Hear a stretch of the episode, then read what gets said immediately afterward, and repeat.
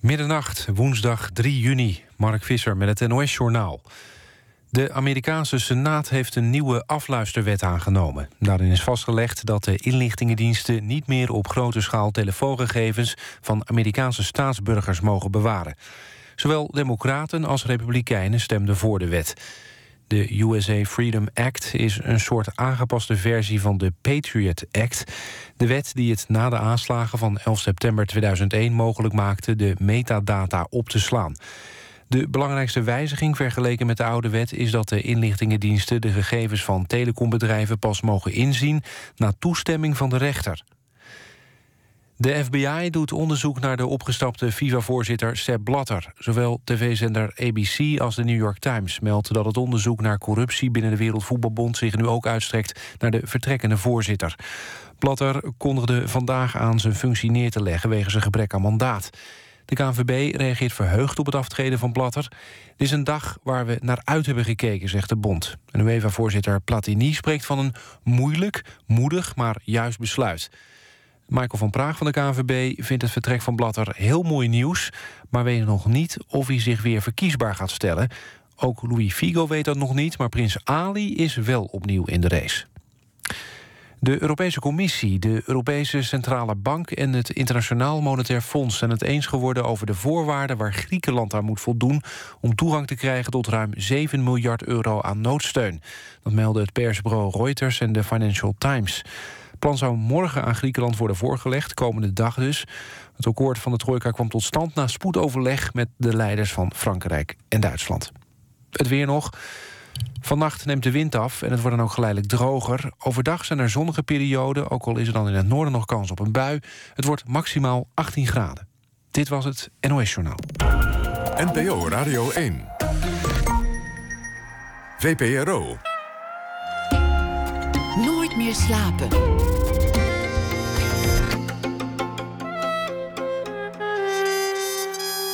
Met Pieter van der Wielen. Goedenacht en welkom bij Nooit meer slapen. Een droom die lijkt uit te komen na één uur. Een gesprek met Micha Rosema. Hij gaat een echte Hollywood-film maken, een blockbuster. Dan ook een gesprek met choreograaf Ed Wubbe. Maar we beginnen met Michel Krielaars. Het brilletje van Tsjechov is de titel van het boek. Hij kreeg daarvoor afgelopen week de, de Bob den L-prijs... voor het beste reisboek van het jaar uitgereikt. In dat boek reist hij in de voetsporen van zijn grote idool... schrijver Tsjechov door Rusland. Van Siberië tot de Krim, via Moskou en Sint-Petersburg... alle hoeken van dat enorme land. De Russische ziel die Tsjechov bloot wilde leggen... lijkt nog steeds dezelfde. Er is weinig veranderd, lijkt het, sinds de 19e eeuw. En wel veel gebeurd. Michel Krielaars werd geboren in 1961, groeide op in Amsterdam, studeerde geschiedenis, schreef meerdere romans. Hij is eh, journalist, bezocht de Sovjet-Unie voor het eerst in de nadagen in 1989. Vele jaren later werd hij correspondent in Moskou voor NRC Handelsblad. Inmiddels is hij voor diezelfde krant chef boeken van de literaire bijlagen. Welkom, uh, Michel ja. Krielaars. En dan overmorgen misschien nog een prijs, de, de Brusselprijs. Voor het beste journalistieke boek. Ja, maar iets heel anders. Goed, geduldig afwachten. Hè? Je, je, weet niet of die uh, jury's rekening met elkaar houden of daar gehosseld wordt. Gewoon gaan zitten, applaus vangen. En hoe begint zoiets eigenlijk, zo'n zo'n project in de voetsporen van Tsjechov? Zo'n enorm gebied doorreizen en is er dan niemand die zegt: Krielaars, doe het niet? Ja, hoe begint het?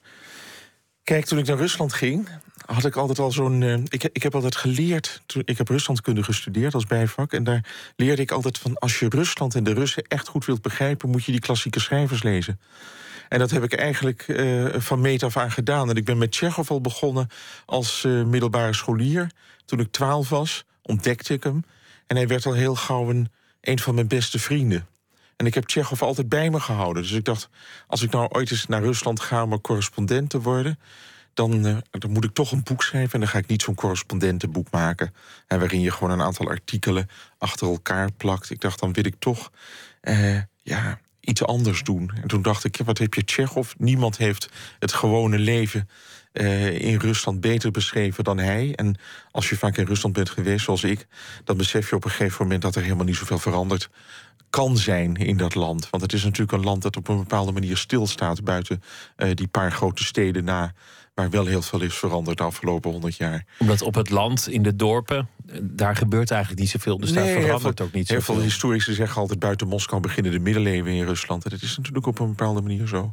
En dan is het de middeleeuwen waar alles uh, alles uh, niet goed functioneert. En dus dankzij de sancties van, uh, van het Westen tegen Rusland is er op dit moment zijn er bijna geen aardappelen meer te krijgen in Rusland. Terwijl het land toch een enorm landbouwareaal heeft. En de patat friet in Moskou is op tot uh, teleurstelling van veel Westerlingen die er werken. Het is een reisverhaal, jouw verhaal over Rusland. Het is tegelijk een verhaal over Tsjechov in zijn leven en de plekken waar hij is geweest. En het vertelt iets, dus, dus drie vliegen in één klap over de geschiedenis van Rusland en, en, en de stand van het land nu. Gewoon een, journalistiek boek in, in die zin. Veel Russen onderweg zeggen: Tsjechov, waarom Tsjechov? Waarom niet een van onze echt grote schrijvers? En dan, dan noemen ze, nou ja, noem ze maar op, uh, Tolstoy of uh, Solzhenitsyn of. Uh, Waarom, waarom Tsjechov? Waarom nou, fascineert hij zo? Dat, dat is ook het leuke aan Tsjechov. Tsjechov zou eh, bij ons hier aan tafel kunnen zitten... en dan zouden we denken, oh, dat is de directeur van de VPRO... of de, eh, het is de geluidstechnicus, gewoon een toffe, toffe peer... met wie we een heel modern gesprek kunnen voeren. En dat maakt hem altijd zo bijzonder... dat hij voor iemand uit de 19e eeuw... eigenlijk iemand uit de 21ste eeuw is. Het was een man zonder vooroordelen, een hele liberaal, uh, vrijzinnig denkend mens die respect had voor allerlei andere denkrichtingen. En dat geldt niet voor Dostoevsky. Dostoevsky is natuurlijk heel Russisch. De Russen zeggen altijd Dostoevsky, dat is onze schrijver. Die heeft diepgang, die heeft moraal. En heel veel van die verhalen van Tsjechov, dat zijn vooral die jonge verhalen, dat zijn, zijn komische vertellingen met uh, weliswaar heel mooi geschreven. Maar het zijn, zijn grappige verhalen over gewone mensen en die vaak een open end hebben. Het blijft menselijk. Er zit geen boodschap in. Het laat gewoon zien van hoe het leven in elkaar zit. De Russische ziel, die komt er dan meteen uh, bij kijken. Daar ben je eigenlijk naar op zoek gegaan. Wat is die Russische ziel? Is die er nog? Nou, die Russische ziel is altijd. Uh, toen ik door Rusland reisde en hoe verder je van Rusland afkwam, of hoe verder je van Moskou uh, verwijderd was, hoe meer je zag dat er in dat land helemaal niet zoveel gebeurde. Dus dan kwam je ergens in een boerendorp en dan zaten er een paar uh, veertigers met een fles wodka op, op een bankje voor hun huis. En dan zei God, jongens, moet, moet het moet, moet het veld niet worden bijgehouden of moet er niet worden gezaaid of geoost? En dan zei ze, ja, dat hoeft allemaal niet, want dat is nu eenmaal onze Russische ziel. Wij doen niet zoveel in dit land. En dat is nou weer het aardige aan Tsjechov, dat Tsjechov die Russische ziel als een excuus zag voor lamlendigheid, voor dat niets doen. Dus hij had er niets mee op. Dat maakt hem ook alweer modern. En terwijl Dostoevsky zegt, wij zijn bijzonder, wij, zijn, wij hebben hogere geestelijke waarden, wij staan dichter bij God, wij zijn bijzonder. Dat is die Russische ziel. En Tsjechov wilde daar niets van, van weten. Je hebt zelf, uh, mag ik wel zeggen, een haat-liefde verhouding met het land. Je omschrijft het met smaak en geur. Je komt er graag, maar tegelijk heb je ook, ook een bloedhekel aan het land. Nou ja, kijk, je hebt, je hebt twee Ruslanden. Je hebt het Rusland van Pushkin, de grote dichter... die, die iedere Rus, arbeider of professor, uh, uh, wel uit zijn hoofd kent. En je hebt het Rusland van Poetin. En het Rusland van Poetin is natuurlijk niet gebonden aan, aan, aan de man zelf, maar staat voor het, het, het, het, het machtige repressieapparaat dat Rusland al honderden jaren heeft. en dat toch ook zorgt dat het land maar niet vooruitkomt. Dat het land zich niet ontwikkelt, dat er geen burgermaatschappij ontstaat, dat er geen rechtsbescherming is, dat mensen zich onvrij voelen en dat mensen angst hebben.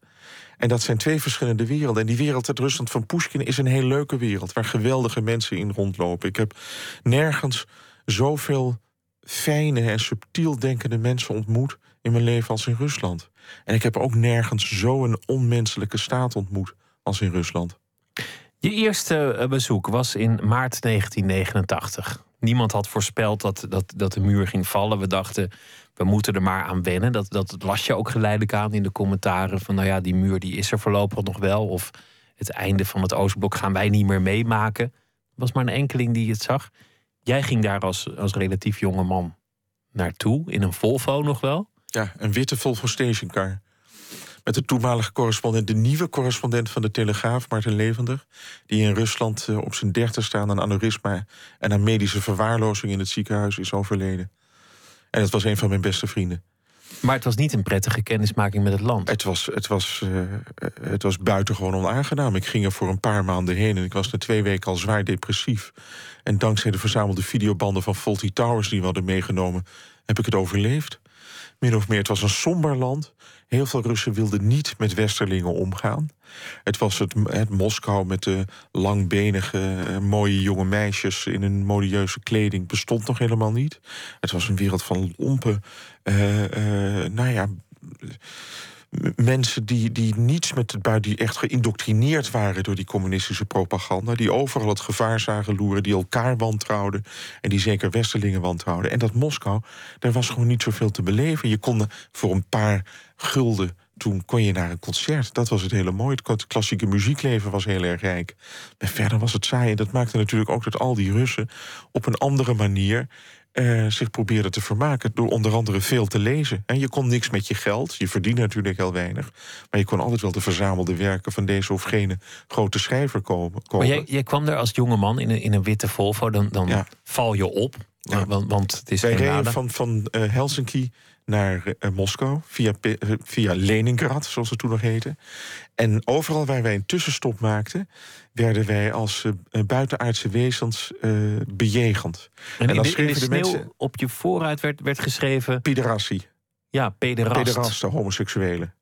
Want het waren twee mannen in een witte auto. En we hadden ook een oude stofzuiger achterin liggen... en een televisietoestel. En die verzamelde videobanden en wat boeken. En ze, ze, ze wisten niet wat wij in dat land kwamen doen. En dan werd je op die weg van Moskou naar Peter, van, Leningrad, Petersburg naar Moskou, werd je om de zoveel kilometer aangehouden. Want er waren allemaal politieposten met slagbomen. Dan moest je je legitimeren en dan werd die hele auto onderzocht. Dus het had iets heel, heel dreigends. En dat je je ook echt niet op je gemak voelde. En tegelijkertijd, omdat ik natuurlijk heel veel van die Russische geschiedenis afwist, wist ik wat het betekende. En maakte het ook een enorme diepe indruk op me. En dan vond ik het natuurlijk geweldig, want het was, echt, het was echt een avontuur. En je had het gevoel dat wij de enige Westerlingen in dat onmetelijk grote land waren. En dat was natuurlijk heel mooi. En ik logeerde bij Martin Levendig in een flat in een nieuwbouwwijk voor buitenlandse correspondenten en diplomaten. En dat was echt de weg naar uh, het Dacia-dorp waar de partijleiders woonden. Dus iedere ochtend om half tien kwam Gorbachev langs. Met dat hele. Met een hele stoep met limousines. Al die auto's. En ik weet toch goed dat als Gorbachev op een dag niet langskwam, op een doordeweekse dag, raakte Martin Levendig in paniek, want hij dacht: nu is er iets aan de hand. En dat was dan enorm spannend. En je had toen niet dat internet. Je moest wachten tot uh, uh, persbureau TAS met een mededeling kwam. Of dat Reuters, persbureau Reuters met iets kwam. Dus dan zat je echt in spanning te wachten voor zo'n enorme telex... die dan permanent die teksten aan het uitpoepen was. En dan kon je weten wat er aan de hand was. De val van de muur heb jij meegemaakt uh, vanuit Hilversum. Je was Oost-Europa-redacteur. Dat, dat heb je dus intensief journalistiek gevolgd, maar je was niet daar op, op dat moment. Um, maar goed, later ben je dan, dan correspondent geworden. Later ben je ook gaan begrijpen hoe je tot de mensen doordringt. En dat zijn eigenlijk de leuke verhalen in je boek. Want dan er moet altijd eerst wodka gedronken worden. Er moet altijd gegeten worden. Een, een hapje en een drankje gaat altijd voor het werken. Zegt ik moet nog een artikel schrijven. Dan zeggen de mensen, ah joh, eerst drinken. Daarna schrijf je je artikel wel. Ben, je de omgangsnormen helemaal gaan begrijpen? Ben je ingeburgerd? Mm, ja, ik geloof het wel. Kijk, in, de Sovjet-Unie had je altijd de beroemde uitspraak van... zij in het Kremlin doen alsof ze ons betalen, wij doen alsof we werken. En dat, uh, ja, die, die, die, houding, die mentaliteit bestaat toch altijd. En in de tijd van Tsjechov was, eh, had je natuurlijk die lijfeigenaar. Je had de landheren, je had een klein beetje burgerijen... je had die lijfeigenaar. En die lijfeigenaar dachten ook, waarom zouden we iets doen... van het is hier toch ellende, we wonen in een plaggenhut... en geef ons maar een emmertje vodka, dan zijn we gelukkig. En ik heb dat tijdens al mijn reizen door Rusland... ben ik voortdurend die mentaliteit tegengekomen. Uitzonderingen daar gelaten. Want er zijn natuurlijk in de grote steden, ook in de steden langs de Wolga... en die zijn de afgelopen twintig jaar, sinds het communisme is afgeschaft... behoorlijk gemoderniseerd. En, en, en daar bestaat een, ja, nou, toch wel een grootsteedse mentaliteit. Al zijn de mensen de arm, want de gemiddelde salarissen zijn er toch... nou, die halen de duizend dollar per maand niet. Maar je ziet dat als je met mensen intiem raakt. Je raakt met Russen, het, het zijn hele spraakzame types. Dus je, je staat op een pont ergens, ik ben er goed in Moermansk... marinehaven, heel veel geheime politie... en je wordt als westerling voortdurend uh, aangehouden, moet je legitimeren. En toen stond ik op een pont, toen raakte ik met een hele dikke kerel aan de praat... En die vroeg eerst, ben je van de CIA? Toen zei ik niet. Nee, hij was meteen gerustgesteld. En toen zei hij, nou, ik werk hier op het ministerie. Je moet eens langskomen. Ik heb een datje aan de overkant van het water. En dan heb ik zelf gestookte wodka, samagon. 65% alcohol. En dan gaan we in het badhuis, in de banja die ik zelf heb getimmerd. En dan gaan we lekker kletsen en eten. En ik moest er nog werken. Ik moest een reportage over die stad maken. Dus ik heb het niet gedaan. En ik ben niet naar hem toe gegaan. Dus toen liep ik een twee dagen later eh, door het centrum van Moermansk. En toen werd er ineens vanuit een raam op de vijfde verdieping van een overheidsgebouw mijn naam geroepen. Misha, Misha, kakdila. Hoe is het met je, Misha? En toen was het diezelfde man die mij nog had onthouden. En kom je nog langs? Je, ik ben hier morgen de hele dag, kom langs. En het was bijna een smeekbede. Maar het was gewoon dat die man het zo leuk vond om een westerling te ontmoeten en daarmee te praten. En een westerling die bovendien Russisch sprak. En dat maakt die Russen tot iets heel bijzonders. Want als je eenmaal met ze aan de praat bent, vertellen ze alles. De meest intieme dingen. En die geschiedenissen van veel mensen zijn natuurlijk verschrikkelijk. Want in de, onder het communisme zijn er 65 miljoen mensen omgekomen. 27 miljoen ervan al tijdens de Tweede Wereldoorlog. Heel wat tijdens de revolutie. De burgeroorlog, de Stalin-repressie. 15 miljoen slachtoffers. Dus het is, de, iedereen heeft wel een familielid... dat in uh, een gulagkamp heeft gezeten. En natuurlijk ook heel veel mensen hebben wel een familielid... dat bij de geheime politie heeft gewerkt. Die omgang met de geschiedenis is wonderlijk... maar, maar daar wilde ik het straks over hebben. Je wordt onderweg ook meerdere keren ten huwelijk gevraagd... of, uh, of in ieder geval gepolst. Uh, ja, ik voelde me altijd diep vereerd. Mijn vrouw zei altijd van, uh, ik sta met je op de roltrap. Maar al die vrouwen staan maar naar je te wuiven en naar je te knipogen. En dan keken ze altijd of je een trouwring had. En die, ik, ik, ik, heb dat helemaal niet, ik hou er helemaal niet van. Van iets. Dus dan dachten ze altijd dat ze een kans maakten. Maar ik had het zelfs een keer in uh, de textielstad Ivanovo. En dat werd de stad der bruiden genoemd. Omdat er heel veel vrijgezelle vrouwen wonen, jonge vrouwen. En men trouwt in Rusland relatief jong, zo rond de negentiende. Dan ben je al snel heb je een kind, want dat is natuurlijk het belangrijkste. Want dat is iemand die later voor jou kan zorgen. En die vrouwen zijn heel snel gescheiden, ook omdat mannen veel drinken, zeker in de provincie. Ja, en dan gaan ze op jacht. En ik was daar op een bruiloft. En uh, ik, was ik zat in een hotel waar een bruiloft werd gevierd. En voortdurend kwamen er uh, potentiële nieuwe bruiden voorbij rolschaatsen om te vragen of ik getrouwd was of, uh, of ze eens met me af konden spreken. Het gaat niet echt over liefde. Liefde is een nee. merkwaardig begrip eh, sowieso, maar in, in Rusland is de omgang anders. Het is een mercantilistische afspraak, het huwelijk. En de, de, het de gaat om handel, het is gewoon erop Het gaat om gaan. handel, het gaat om bescherming. Het is natuurlijk een hard land. En als je ziek wordt, moet je je operatie zelf betalen. Als je kanker krijgt in Rusland, dan uh, kost het je gewoon tienduizenden euro's. En dan moet je altijd uh, zorgen dat je of een, uh, een partner hebt met een goed inkomen... of je moet je huis verkopen. En, en een westerling was natuurlijk in de jaren negentig... toen ik daar kwam, was dat natuurlijk een... toen kwamen die westerse zakenmannen er allemaal. Nou ja, god, men, zoals mijn Russische conversatiejuffrouw altijd zei... van uh, ja, die Russische, er zijn Russische vrouwen... die zolang ze nog niet met je getrouwd zijn, je voeten wassen... Maar uh, als, als de, de trouwring eenmaal om de vingers is geschoven... dan uh, liggen ze op de bank en willen ze het liefst de hele dag... met je creditcard in Oslo of Helsinki gaan winkelen. En dat is natuurlijk, uh, dat is natuurlijk deels een cliché... want er zijn natuurlijk ook heel veel goede huwelijken... tussen Russische vrouwen en, en Westerse mannen. Maar in sommige delen van het land is de jacht op de welgestelde westerling... nog altijd open.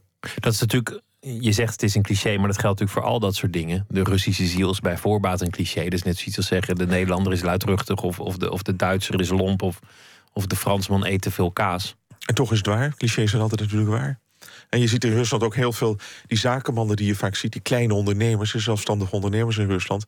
Dat zijn dan van die lompige boerse types die met Iwan lekker een, uh, een vodkaatje gaan drinken. En, en met die mentaliteit, die boerse mentaliteit, heel veel voor elkaar krijgen. Nederlanders zijn behoorlijk geliefd. Er zijn er zo'n duizend in Rusland die goede zaken doen. Ook vaak met Russische vrouwen zijn getrouwd, inderdaad zo'n mercantilistisch huwelijk hebben. En dan in een mooi huis ergens in een buitenwijk van Moskou wonen.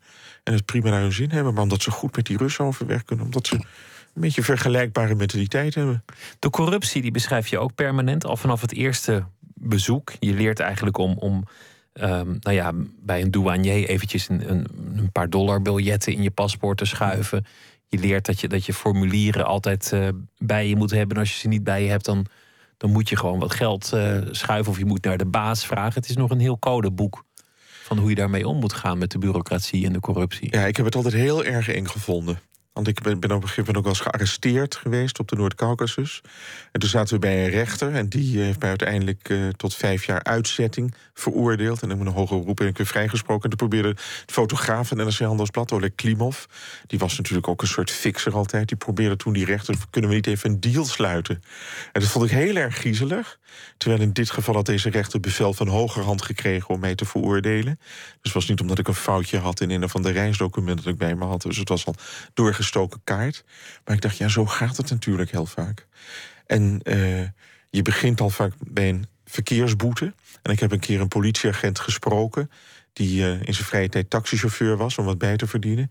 En die vertelde dan hoe het systeem werkte. Dat iedereen moet, al die agenten, moeten zoveel duizend roebel per dag ophalen. En dat geven ze dan aan de hoofdinspecteur of aan de commissaris. En de commissaris verdeelt het dan naar rang onder zijn ondergeschikte. Dus het is je, je, schrijft ook, je schrijft ook ergens dat, dat, los van dat systeem, want het is dus niet corruptie in je eigen zak, maar corruptie voor de baas. Maar je schrijft ook ergens, er zijn zoveel wetten dat eigenlijk iedereen op elk moment, als je maar wil, te pakken is op iets. Ja, kijk, de, de Russische wetgeving is symboolwetgeving. Het is een soort wetgeving waar je denkt, nou, als we eens uh, iets moeten aanpakken, dan kunnen we dat doen. Maar heel veel van die wetten zijn in tegenstrijd. Uh, tot elkaar. Dus je, je kunt er van alles mee doen. Je kunt ze op allerlei manieren interpreteren. En daardoor uh, zijn er ook zoveel mensen. Als de politie echt. Kijk, de, wetten in Rusland werken helemaal niet. Daar komt het op neer.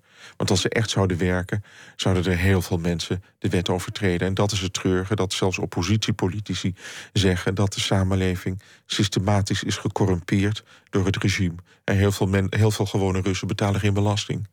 En dat wordt allemaal uh, uh, getolereerd, want er is geen belasting. Maar het is een systeem om te zorgen een, dat je je koest houdt. Het is een systeem om te zorgen dat je je koest houdt. En het is ook een systeem dat gebruikt kan worden.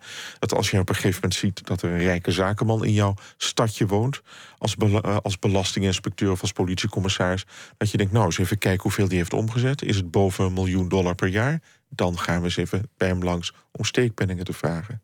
En dan moeten ze vaak een 100.000 dollar per, uh, per jaar afstaan, gewoon een tiende. En het grappige is, ik ken de, de huidige minister van Defensie in Rusland... die was vroeger brandweercommandant van Moskou. En die stond erom bekend dat hij alleen maar zijn brandvergunningen afgaf... als je hem een behoorlijk bedrag toestopte. En vaak wilde hij dan ook nog een dure Mercedes hebben... of een huis in Zuid-Frankrijk. En ik ken zelfs een Nederlandse zakenman... die een uh, weekendje voor de hele Moskouse brandweertop... in het Amstelhotel moest organiseren... met hele dure prostituees erbij. En die man is nu minister van Defensie. En als je het niet doet, dan gebeurt er gewoon niks. Of je belandt in de gevangenis. Want er zitten van de 1 miljoen gevangenen die Rusland telt, zijn er zo'n 300.000 zakenmannen die onschuldig in de gevangenis zitten omdat ze iets niet hebben willen afdragen. We gaan luisteren naar uh, Maaike Auwboter. Die uh, was bekend van uh, een, een, liedje waarmee ze de singer-songwriter competitie aanging. En dit is van een nieuw album en het nummer heet S'more. Mijn, ja trui, omdat hij veel te lekker zat. En mij, jouw boek, omdat je steeds vergat hem bij me op te halen. En de brief die je nooit op de post hebt gedaan. De gevonden sjaal waarvan ik nooit wist dat ik hem ooit was verloren. Ik ben nog smoor.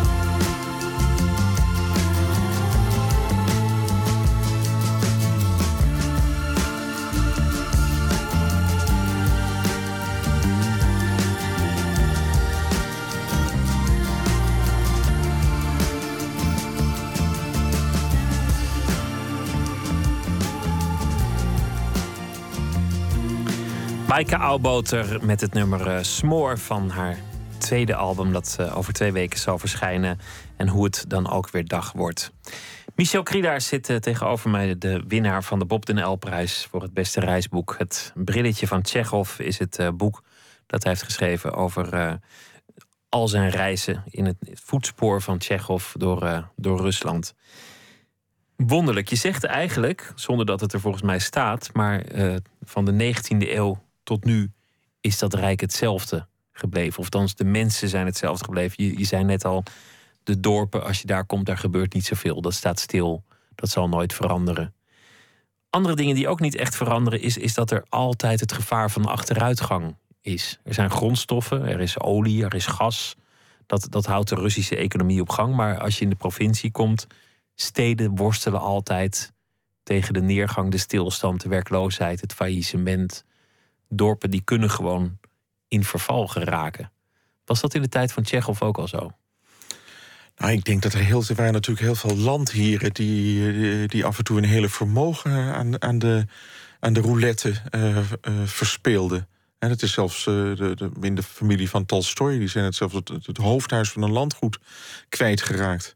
Ik vergeet of het Tolstoy zelf is. Maar dat, gebeurde natuurlijk. Er waren heel veel. Er was in Rusland in de 19e eeuw een enorm lompe proletariaat. En dus na het afschaffen van de lijfeigenschap in 1861 is er natuurlijk een enorme trek gekomen van, uh, van boeren naar de grote steden. En daar schreef Dostoevsky weer heel erg goed over. Van die enorme armoede uh, die, die in, in uh, Sint-Petersburg bestond. En daaruit kon je al opmaken van zo kon het niet doorgaan. Terwijl Rusland vlak voor de revolutie enorm booming was. En dat, dat, als die revolutie niet had plaatsgevonden, was Rusland nu een soort Portugal geweest, maar dan vele malen groter. Maar dat welvaartsniveau. Dus het had gekund. Maar je ziet in het Rusland van nu toch heel veel van die. Onder zijn natuurlijk heel veel fabrieken, fabrieksteden gesticht. En het zijn vaak fabrieksteden die afhankelijk zijn van één grote fabriek. En die zijn na het uiteenvallen van het communisme, heel veel van die fabrieken die functioneerden helemaal niet zo goed. Maar die waren natuurlijk helemaal niet efficiënt. Dus toen de consultants kwamen om eens even alles door te meten in de jaren negentig, bleek dat die fabrieken niet functioneerden. En die zijn eigenlijk de afgelopen 20, 25 jaar failliet gegaan. En er is geen nieuw werk voor in de plaats gekomen. Dus en dan dat- heb je streken waar, waar je moet weggaan of, of wegkwijnen. Maar je mag niet zo makkelijk weg. Je kan niet zo makkelijk verhuizen in Rusland. Je hebt vaak een, een, een woonvergunning voor een bepaald gebied. Je, mag, je kan niet zo makkelijk naar Moskou trekken, want dan moet je ook, ook, ook werk hebben en werk kunnen vinden. Dat geldt voor heel veel mensen niet. Dus je hebt in Rusland tienduizenden steden met zo'n 100.000 inwoners, waar ooit een fabriek stond. En die fabriek is nu één groot eh, brok verroeste staal. En dan hebben die bewoners, die, die leven van een heel klein pensioentje... een hele kleine uitkering die misschien 100 euro per maand is. En ik, tijdens mijn reizen door de Oeral viel me op... dat er ook heel veel drugsgebruik was. Dat er heel veel heroïne wordt gebruikt, krokodil. En dat die heroïne niet zelden verstrekt wordt... door eh, ja, organisaties die nauw gelieerd zijn aan de overheid. En door, door organisaties. Echt om het volk kalm te houden. Te zorgen dat ze niet in opstand komen. En vooral jongeren zijn van die, van die heroïne eh, de dupe. En in een stad als Jekaterinburg, echt een mooie stad. Een mooie oude stad. Daar zijn die drugsproblemen enorm op dit moment. En daar zijn ook onderzoeksjournalisten... die hebben gewoon gezien dat politieagenten eh, die drugs aan de man brengen. En dat de overheid eigenlijk heel weinig doet. En als het niet die de drugs zijn, dan is er natuurlijk ook het alcoholisme. Dat beschrijf je ook eh, in je boek. Dat zijn duizelingwekkende getallen. Hoe, Ja, kijk, de gemiddelde Rus drinkt, eh, drinkt 15 liter alcohol, 15 liter zuivere alcohol per jaar. En dat is heel erg veel. Want als je denkt in een fles wodka zit, eh, zit 30 procent, geloof ik. Nou ja, dan, eh, dan heb je in ieder geval 100 procent zijn drie flessen wodka. Nou, eh, tel, maar, tel maar even uit hoeveel, eh, hoeveel liter je dan komt. Het is, het is veel. Als je de, het Russische platteland reist, had ik altijd de gewoonte om eerst even naar de begraafplaats te gaan. En dan zie je er allemaal kruisen staan. En dan zijn het meestal jongetjes van tussen de 16 en 30 jaar die zich dood hebben gedronken, dood hebben gereden terwijl ze dronken waren. En ik ben zelfs in de Birobidzjan, dat is in het verre oosten van Rusland, in het hoofdstadje geweest. En daar was op zondagmiddag echt iedereen dronken die ik tegenkwam. Van, eh, van pubers tot aan bejaarden. En het was zo ontzettend droevig dat mijn hart, bij wijze van spreken, brak. Terwijl ik op straat stond eh, bij het huis van een zigeunerfamilie... die met z'n vijftien op één kamer woonde en ook allemaal dronken waren. Hoe heb je dat zelf eigenlijk gedaan om, om wel je werk te doen, wel met de mensen eh, om te gaan en, en de, de uitnodigingen niet allemaal af te slaan en toch niet elke avond dronken te worden? Want je moet wel permanent met je hand op je glas zitten. Ja, maar dan het is natuurlijk indruk. ook... Kijk, als je in, in een stad als Moskou bent... er is een nieuwe klasse opgekomen hè, van, van jonge mensen... die werkzaam zijn in de financiële industrie... of de, fi- de, de financiële wereld... en met westerse bedrijven samenwerken. En die drinken worteltjesap. Die zijn van de wodka af, want die weten heel goed... die werken het, eh, 16 uur per dag. En die verdienen ook heel erg eh, veel. En die moeten het hoofd koel houden. Maar ik kan me nog heel goed herinneren... dat ik op een gegeven moment bij de Campina-fabriek op bezoek was. En dat is iets buiten Moskou, in een stadje Stupino. En eh, we werden daar uitgenodigd, als met een delegatie buitenlandse journalisten. We werden uitgenodigd door de directeur, dat was een Russische directeur van de melkfabriek, gewoon de koeienstallen waar de melk eh, werd geproduceerd. En dat was een, een, dikke man van zeg, begin 40 met een hele rode kop. En die zei: Ik drink vandaag niet, want ik zit achter het stuur. En vervolgens dronk hij zelf twee flessen rode wijn tijdens de maaltijd. Het was een drie gangen lunch. En we waren met z'n negenen. En ieder van ons moest eh, voor ieder gerecht moest hij een toespraak houden op het Russisch en het glas achterover gieten. En dat was dus negen keer. Dat waren dus negen glazen wodka. Dat waren niet geen borrelglaasjes, maar echt limonadeglaasjes wodka. Dus je had al, voordat je aan het voorgerecht begon... had je al negen glazen wodka op. En toen kwam het hoofdgerecht. En toen kwam het toetje. Dus ieder had 27 glazen wodka op. En ik ben half bewusteloos. Ik had toen nog een chauffeur in die tijd. En die heeft mij toch echt half bewusteloos terug naar huis gereden. Ik heb toen drie dagen op een bed gelegen. Ik dacht, dat nooit meer. Je had bij de plantenbak in de buurt moeten gaan Maar dat heb ik geleerd na verloop van tijd. En dacht ik, want ik dacht, een wodka vlek niet. En als je dan ergens zit waar vaste vloerbedekking op de grond ligt... dan kun je dat glaasje heel handig eh, leeggiepen. Ja, of, of de varen dronken voeren. Of, ja, maar eh, durft het vaak niet. Nee, ja, dat, als je ik dacht, dan beledig ik ze. En het is natuurlijk dat je door die wodka... dat merkte ik in de jaren, ne- in de jaren tachtig, toen ik er voor het eerst kwam... ook heel sterk, dat het een enorme verbroedering... eh, eh, ja, voor een enorme verbroedering zorgt. En het zijn toch ook wel mensen, dan heb je dat eenmaal doorstaan... dus dat dacht ik in het begin vaak. Dan heb je dat eenmaal meegemaakt met elkaar. En daarna hoeft het niet meer. En ik moet zeggen, dan ben ik bij jongere vrienden in Rusland... en dat zijn voornamelijk vrouwen, die drinken helemaal niet. Want die zijn vaak gescheiden van een man die heel veel heeft gedronken. En dat er toch ook heel veel mensen zijn die gewoon, eh, eh, net als wij, gewoon op een beschaafde manier. Er komen er toch steeds meer in de grote stad op beschaafde manier drinken. Maar de wodka is buiten de stad. En ook bij grote fabrieken. Want ik ben vaak bij fabrieken geweest waar het personeel toch ochtends vroeg al de eerste fles opentrok. En dat is natuurlijk niet een geen goed teken. Een vriend van mij is ingenieur bij een staalfabriek. En die zegt. eh, de kwaliteit van ons staal is zo ontzettend laag dat we het niet naar het Westen kunnen exporteren omdat eh, veel van onze werknemers te veel drinken, dus eh, niet voldoende controle, kwaliteitscontrole uitoefenen. Ja, en dat, en dat merk je dus in die industrie. En het mooie is dat ik als ik ben een keer bij Shell geweest in Siberië, de olieindustrie. En daar staat op het drinken van één druppel, ook door de Westerlingen, eh, ontslag. Dus daar wordt niet gedronken. Die olieindustrie die, die, die functioneert eh, heel erg professioneel. Wordt, wordt ook wel heel link als je in die Ja, kringen niks, veel gaat, niets. veel gaat zuipen. Je ging voor het eerst in maart 1989. In eh, het najaar van 89 viel de muur. In 1991 eh, stortte eigenlijk dat, dat rijk in, die, die Sovjet-Unie. Achteraf is het, is het wonderlijk dat wij in het Westen dat hebben zien gebeuren. Dat zo'n enorm imperium verkruimelde. En dat we eigenlijk heel lang hebben gedacht dat dat geen gevolgen zou hebben. Dat zo'n rijk gewoon nou ja, in, in stukken uiteen zou vallen. En dat er niet een soort politieke beweging op zou staan. Of een soort nostalgie. Dat het zomaar ongestraft zou kunnen gebeuren.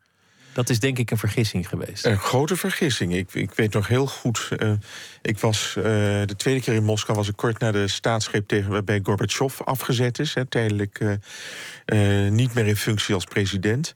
En toen kort erop begon het heel erg te rommelen. En ik heb het ook meegemaakt, die transitie naar die markteconomie. Je zag dat heel veel gewone Russen niet begrepen. En ineens kwam er een enorme groep rijken op. Vaak mensen uit de communistische partij die over de eh, goede contacten beschikten. Heel veel van die oligarchen, die kenden iedereen op het ministerie... en die belden, hoefde alleen maar een telefoontje eh, te plegen... naar een of andere hotemethode. En zei ze, ik hoorde dat die fabriek daar en daar te koop staat. Mas me even, ik bied er 100.000 dollar voor. En dan saneerden ze die fabriek en dan verkochten ze die fabriek voor eh, 50 miljoen dollar. En zo kon je heel makkelijk rijk worden. En heel, tegelijkertijd werden heel veel gewone Russen ontslagen. En dan heb je nog die roebelcrisis gehad in 98... waar iedere Russen spaarcenten verloor. Dus het was heel erg wrang. Voor veel gewone Russen is die overgang van communisme...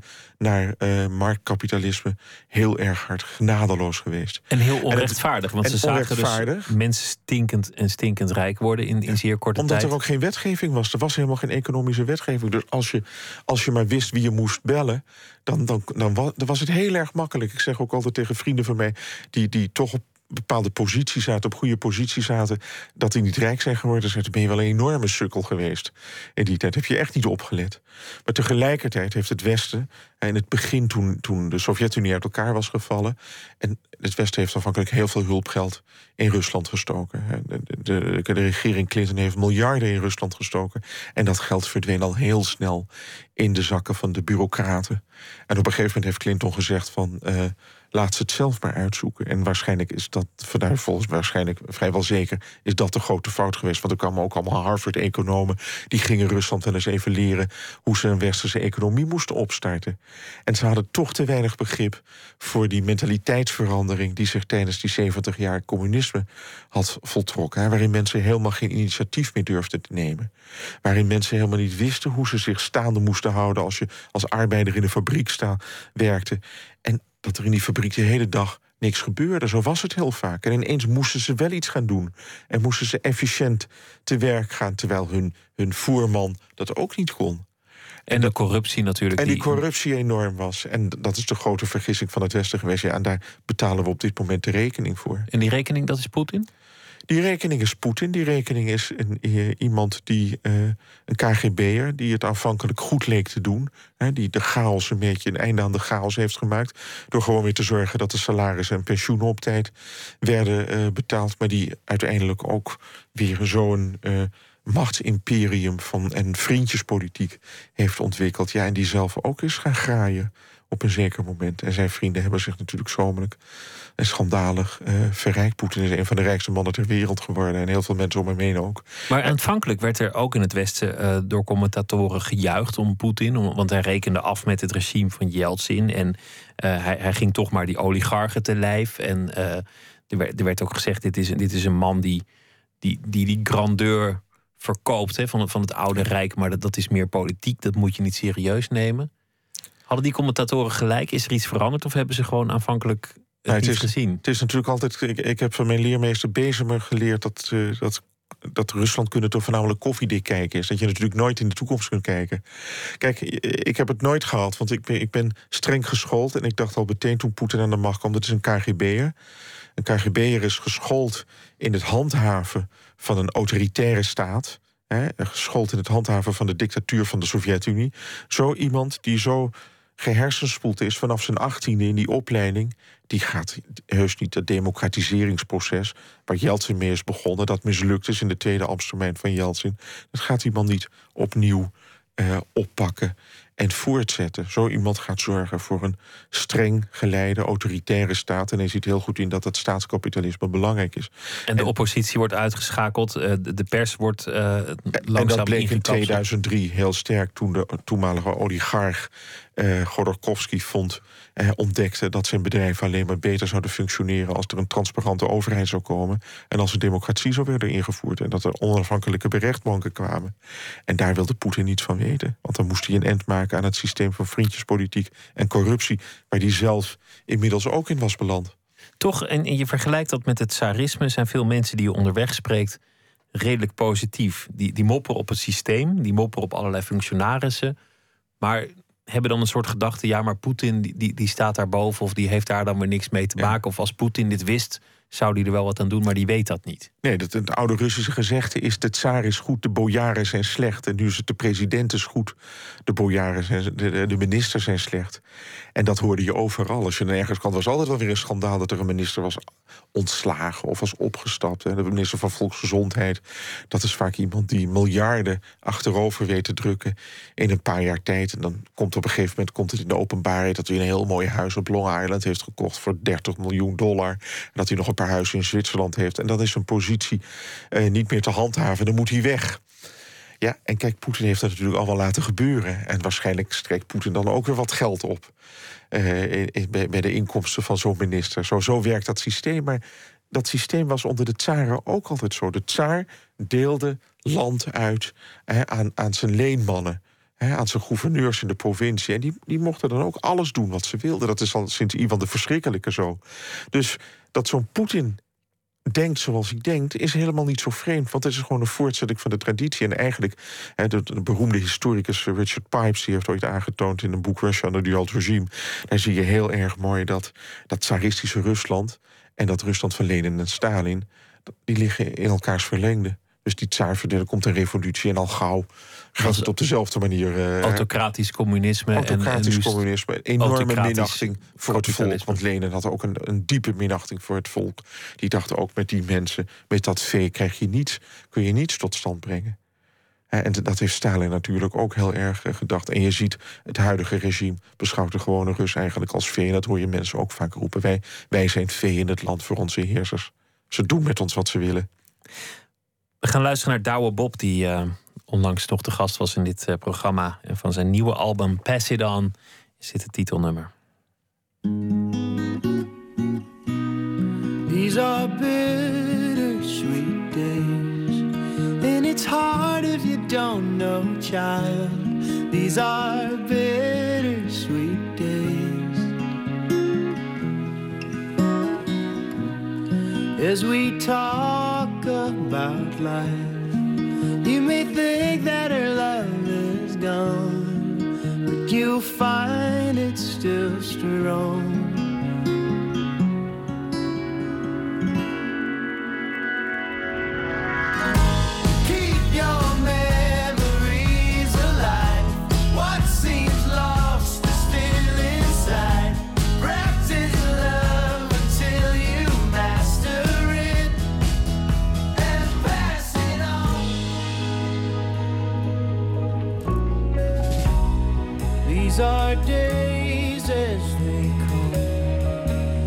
Struggle of moving on. These are days as they come. As he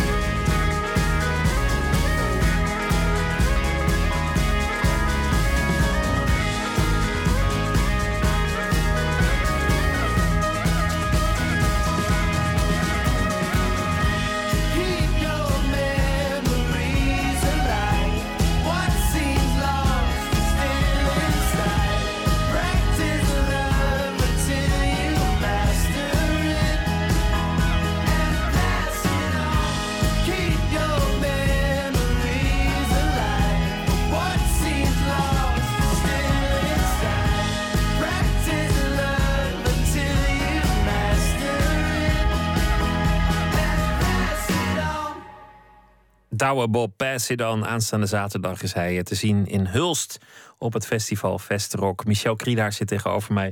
We hebben het uh, gehad over Rusland. Het brilletje van Tsjechov uh, heet het boek dat hij geschreven heeft in de voetsporen van Tsjechov langs alle uithoeken van, van het land.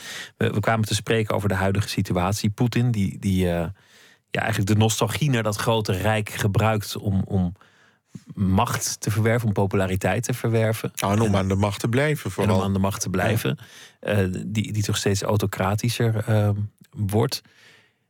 We hebben eigenlijk een beetje een dubbele verhouding vanuit Europa met, met Rusland. Aan de ene kant streng toespreken en, en uh, we spreken over een nieuwe koude oorlog en, en andere ferme taal. Aan de andere kant zijn er voor, voor enorme bedragen pijpleidingen alle kanten op aangelegd en is alles ingesteld op goede handelsrelaties we komen er eigenlijk helemaal niet uit wat we er nou mee moeten. Nee, je ziet hoe gestunteld er nu wordt eh, binnen de Europese Unie.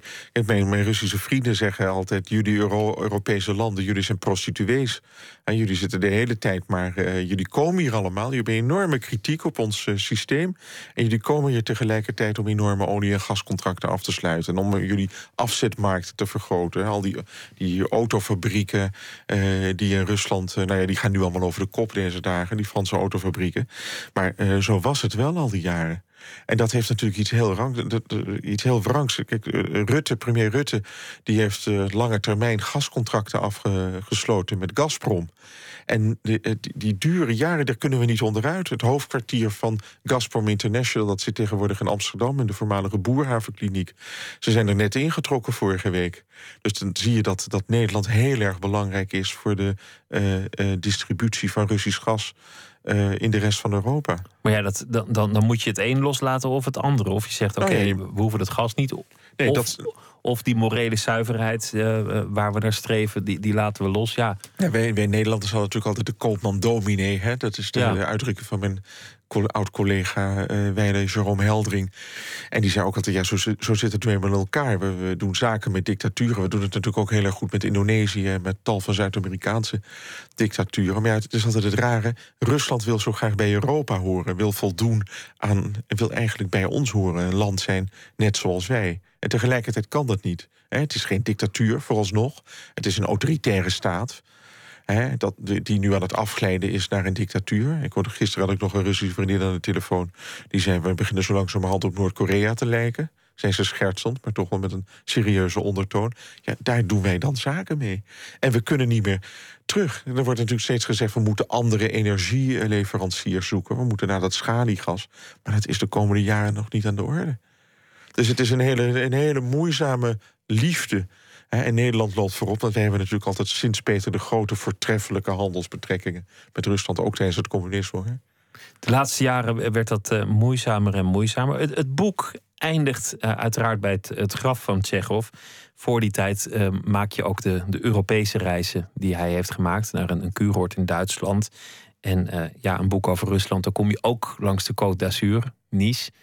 Daar beschrijf je eigenlijk het leven van de, de Russische multimiljardairs die aan de Côte d'Azur eh, van hun eh, rustige dag genieten. De anekdote, die vond ik heel mooi. Iemand die een villa koopt, die het uitzicht belemmert... alleen maar om hem te slopen, zodat hij weer een mooi uitzicht heeft. Dan ben je stinkend rijk als je de prijzen van die streek kent. Ja, dan heb je het goed voor elkaar. Ja, en je eigen huis alleen maar aan het opscheppen bent over de twaalf badkamers die je hebt.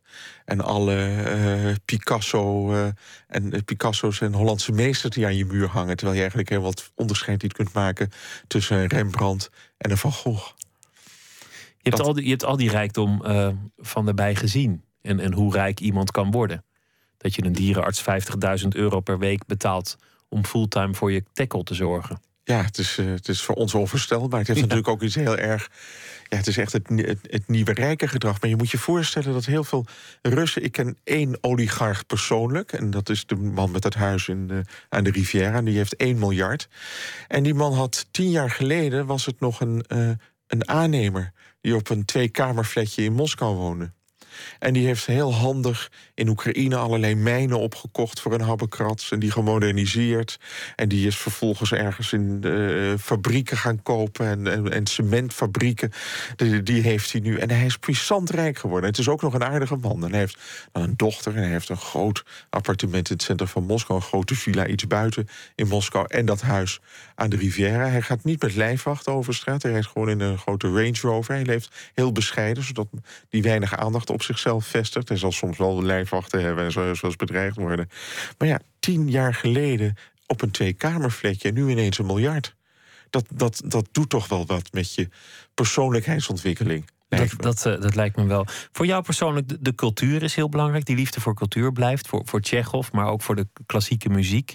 Je, je vrouw is uh, zangeres, uh, sopraan. Um, dat blijft een band met, met Rusland. Zelf ben je inmiddels ja, van de boekenredactie helemaal van de, de literatuur. Maar ergens zit er ook altijd nog die aspiratie om zelf te gaan schrijven. Je hebt drie romans geschreven, één verhalenbundel, dit reisverslag. Is, is dat eigenlijk nog de, de, de droom die eronder ligt om, om de literatuur uh, te gaan ja, betrachten? God, natuurlijk. ik ben nu met een boek bezig over Vasily Grossman.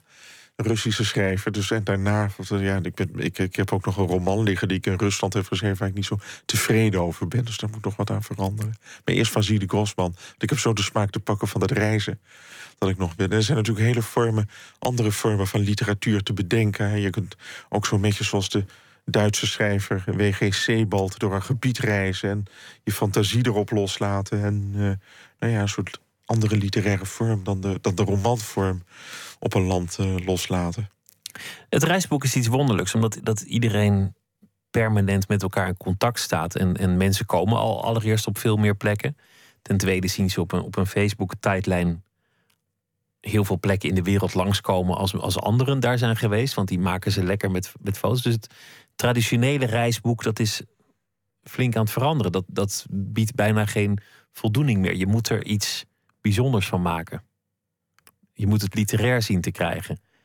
Nou ja, kijk, je kunt de schrijver nemen, maar je kunt je natuurlijk. Kijk, Rusland is natuurlijk bij uitstek een literair land wat ik al vertelde, je hoeft maar in een Moskous park op een bankje te gaan zitten naast iemand.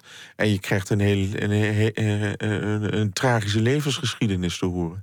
Tegelijkertijd zijn er heel veel goede schrijvers in Rusland. We hadden hier in Amsterdam twee maanden lang Michael Shishkin als writer in residence boven Atheneum Boekhandel. Nou, die is een keer bij me wezen eten.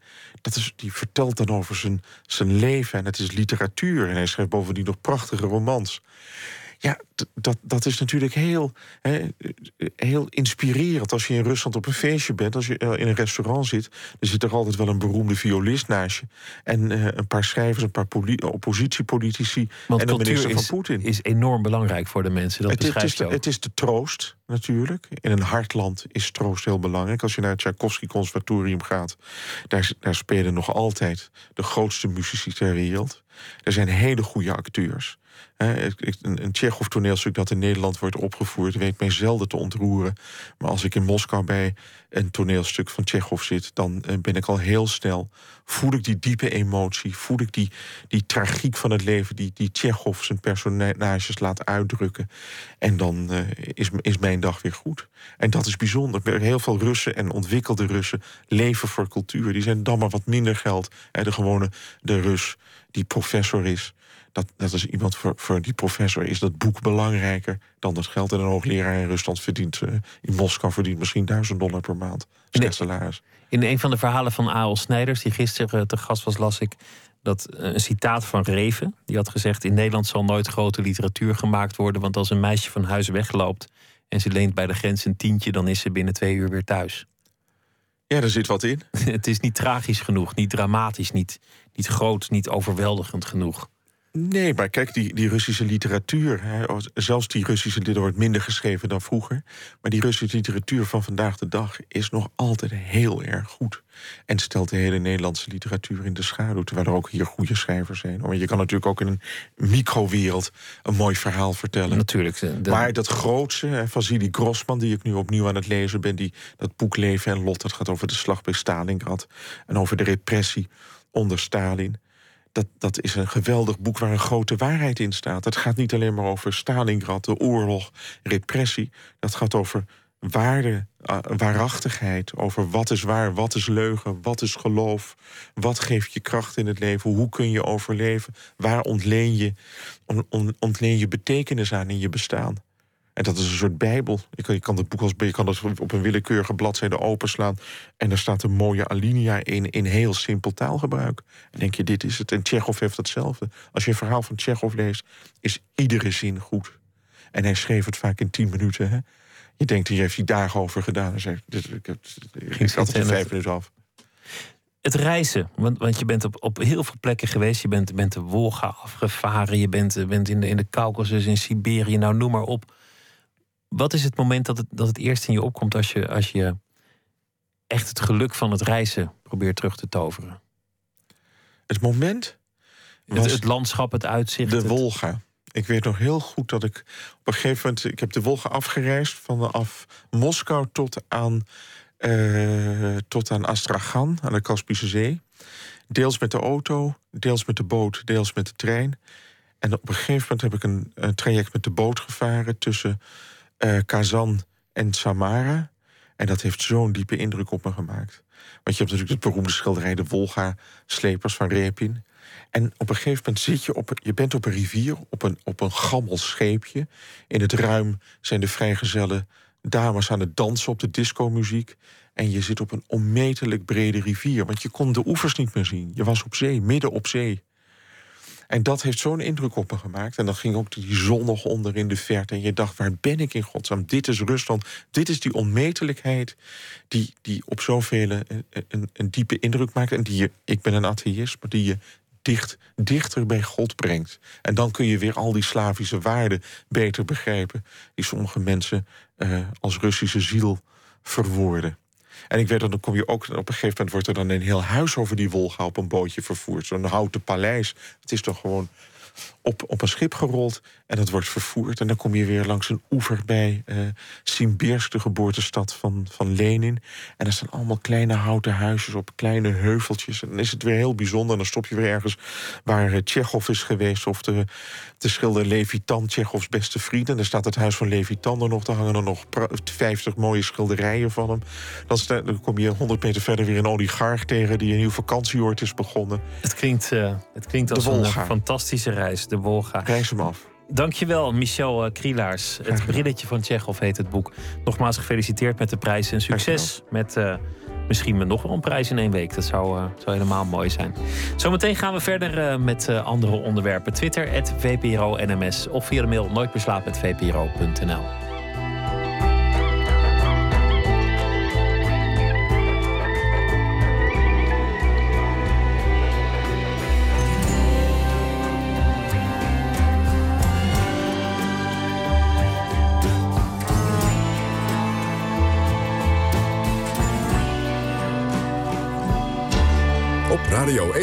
Het nieuws van alle kanten.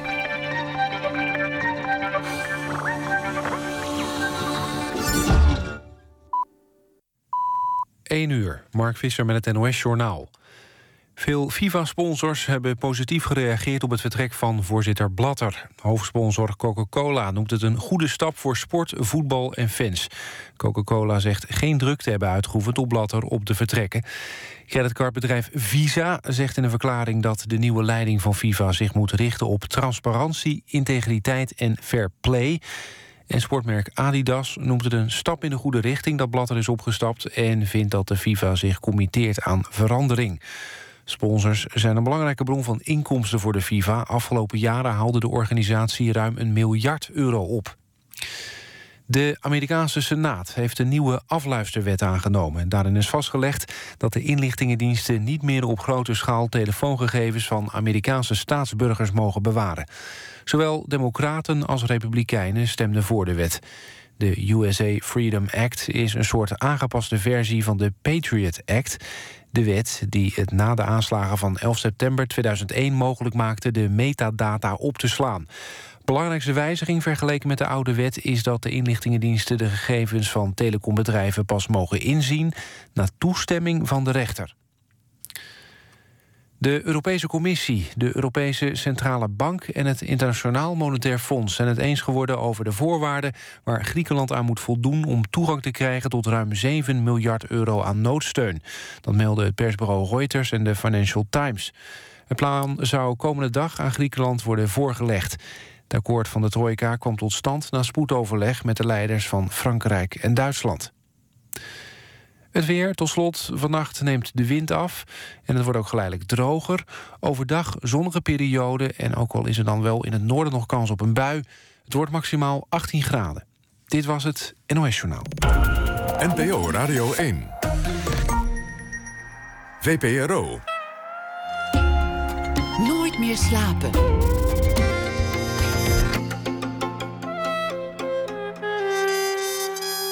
Met Pieter van der Wielen. U luistert naar Nooit meer slapen. Zometeen aandacht voor choreograaf Ed Wubbe. Hij maakt een dansvoorstelling met dansers en honden. En een gesprek met Misha Rosema. Zijn film Sundays is in Hollywood terechtgekomen en zal daar uh, uitgebracht en gemaakt en uh, verspreid worden. We beginnen met KW Modiri. Hij is uh, een filmmaker geboren in Iran. En deze week zal hij elke dag een verhaal voor ons schrijven over de afgelopen dag. En dat even na ene voordragen. En dat is nu KW. Goeienacht. Goedenacht. Vertel eens, wat, uh, hoe zal deze dag de geschiedenis ingaan? Als die al nou, de geschiedenis heb, in zou gaan? Veel fascinerende nieuwsberichten gelezen. Uh, om te beginnen Michael Jackson's Neverland, dat te koop staat voor 100 miljoen dollar. Maar vastgoedspecialisten die twijfelen of het wel verkocht wordt voor dat bedrag vanwege de associatie die Neverland heeft met kindermisbruik. En ik begon me toen ik dat las meteen zorgen te maken over cultuurbarbaren en projectontwikkelaars die het terrein zouden overgieten met cement vanwege die associatie. En daarna maakte ik me boos over het feit dat Michael Jackson niet is gemummificeerd. Dan kon hij in Jezushouding boven Neverland worden geplaatst. En dat kan nu niet meer. En uh, Sepp Blatter is vandaag uh, opgestapt, eindelijk. Al vraag ik me af wat er nu van de FIFA komt. Ik vrees toestanden als in Libië na Gaddafi, plunderingen, burgeroorlog en anarchie. Maar dat is niet waar mijn stuk van vanavond over gaat.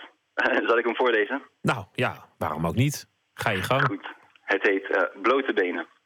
Bij temperaturen van nabij de 40 graden wil een groeiende groep meisjes in Israël, net als de jongens, in korte broek naar school. Maar dat mag niet. Een meisje vertelt dat ze is geschorst omdat ze in korte broek naar school ging en vervolgens weigerde het klaslokaal te verlaten toen de lerares haar daartoe maande. Even later lees ik over een hooglander die voor de zoveelste keer binnen korte tijd is gevlucht uit een park in Doetinchem. Een verklaring, hij was gek op een koe die vorige week is verplaatst.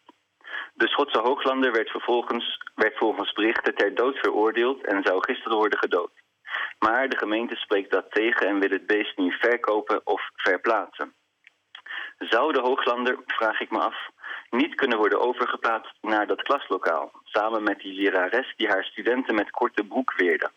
Zien of dat een interessante discussie oplevert wat betreft de kledingvoorschriften. Je weet natuurlijk nooit van tevoren of zoiets echt werkt. Het blijft gissen. Zelf ben ik nooit een fan geweest van korte broeken of andere broekjes die mijn benen blootlieten. Eén keer, lang geleden in Teheran, rende ik in mijn zwembroek naar buiten en sprong zonder te kijken in het buitenbad. Dat bleek leeg te zijn. Ik viel plat op mijn rug op de bodem. De klap was zo overweldigend dat ik niets durfde te bewegen. Minutenlang bleef ik stil liggen en staarde met grote ogen naar de helder blauwe lucht. Auw, mijn rug, kreunde ik na een poos. Plotseling verscheen er een dik, nukkig meisje aan de rand van het bad. Je mag hier niet zijn, zei ze. Dit is het meisjeszwembad. Ik ben gevallen, zei ik zwakjes. Kun je me helpen? Dit is het meisjeszwembad, herhaalde ze. Ze ging op de rand zitten en liet haar benen heen en weer bungelen in de hete zon. Ik sloot mijn ogen en verdomd, wat zag ik in een verte? Die Schotse hooglander uit Doetinchem. Goh, ja, het is... Uh, het, het verband, ik, ik zat in mijn achterhoofd te denken, het, het verband met de FIFA. En, en dat is eigenlijk misschien dat, dat wij het in Nederland heel raar vinden. Hè? Dat je een meisjes- en een jongetjes zwembad hebt. Want wij vinden die moeten samen, samen zwemmen. Dat, dat, is, dat is goed voor, uh, ik weet niet waarvoor precies. Maar dat voetbal is al eeuwen wel gescheiden. Mannetjes- en, en meisjesvoetbal. Dat klopt, ja. Daar, daar komt nu ook eh, langzaam aan verandering in. Maar uh, voor de duidelijkheid, dat waren andere berichten die buiten het verhaal uh, vielen. En, de, de, nee, het was mij duidelijk hoor, maar het, het, het, was mij duidelijk. Ja, maar, inderdaad, ja, maar vrouwenvoetbal is in opkomst. En wie weet neemt het het over nu de ondergang van de mannenvoetbal zich aankondigt. Nee, waar ik voor zou zijn is dat er een vrouwenvoorzitter van de FIFA wordt. En, en dat er dan een gemengd voetbal gewoon komt. Dus dat de, de, de mannen en de vrouwen, want die kunnen toch wel samen in een veld staan zonder dat ze meteen aan elkaar gaan zitten. Dat, dat moet toch wel eh, lukken. het is 2015. Eh, volgens mij, zijn die vrouwen eh, daar ook niet per se bang voor, voor dat beetje contact. Dus waarom niet? Ja, het zou vast heel goed zijn voor de sport. Ik denk het wel. Nou, ik ben benieuwd hoe dat, hoe dat afloopt. En daar was ineens dat, dat hekrund uit Doetinchem dat tevoorschijn kwam. Precies. Ik ben benieuwd waar je morgen mee komt. Dankjewel, KW Modiri. Fijne avond. Goeienacht. Van de Canadese muzikanten eh, Patrick uh, Watson, of muzikant, enkelvoud, verscheen onlangs een album, Love Song for Robots. We draaien nummer, Grace.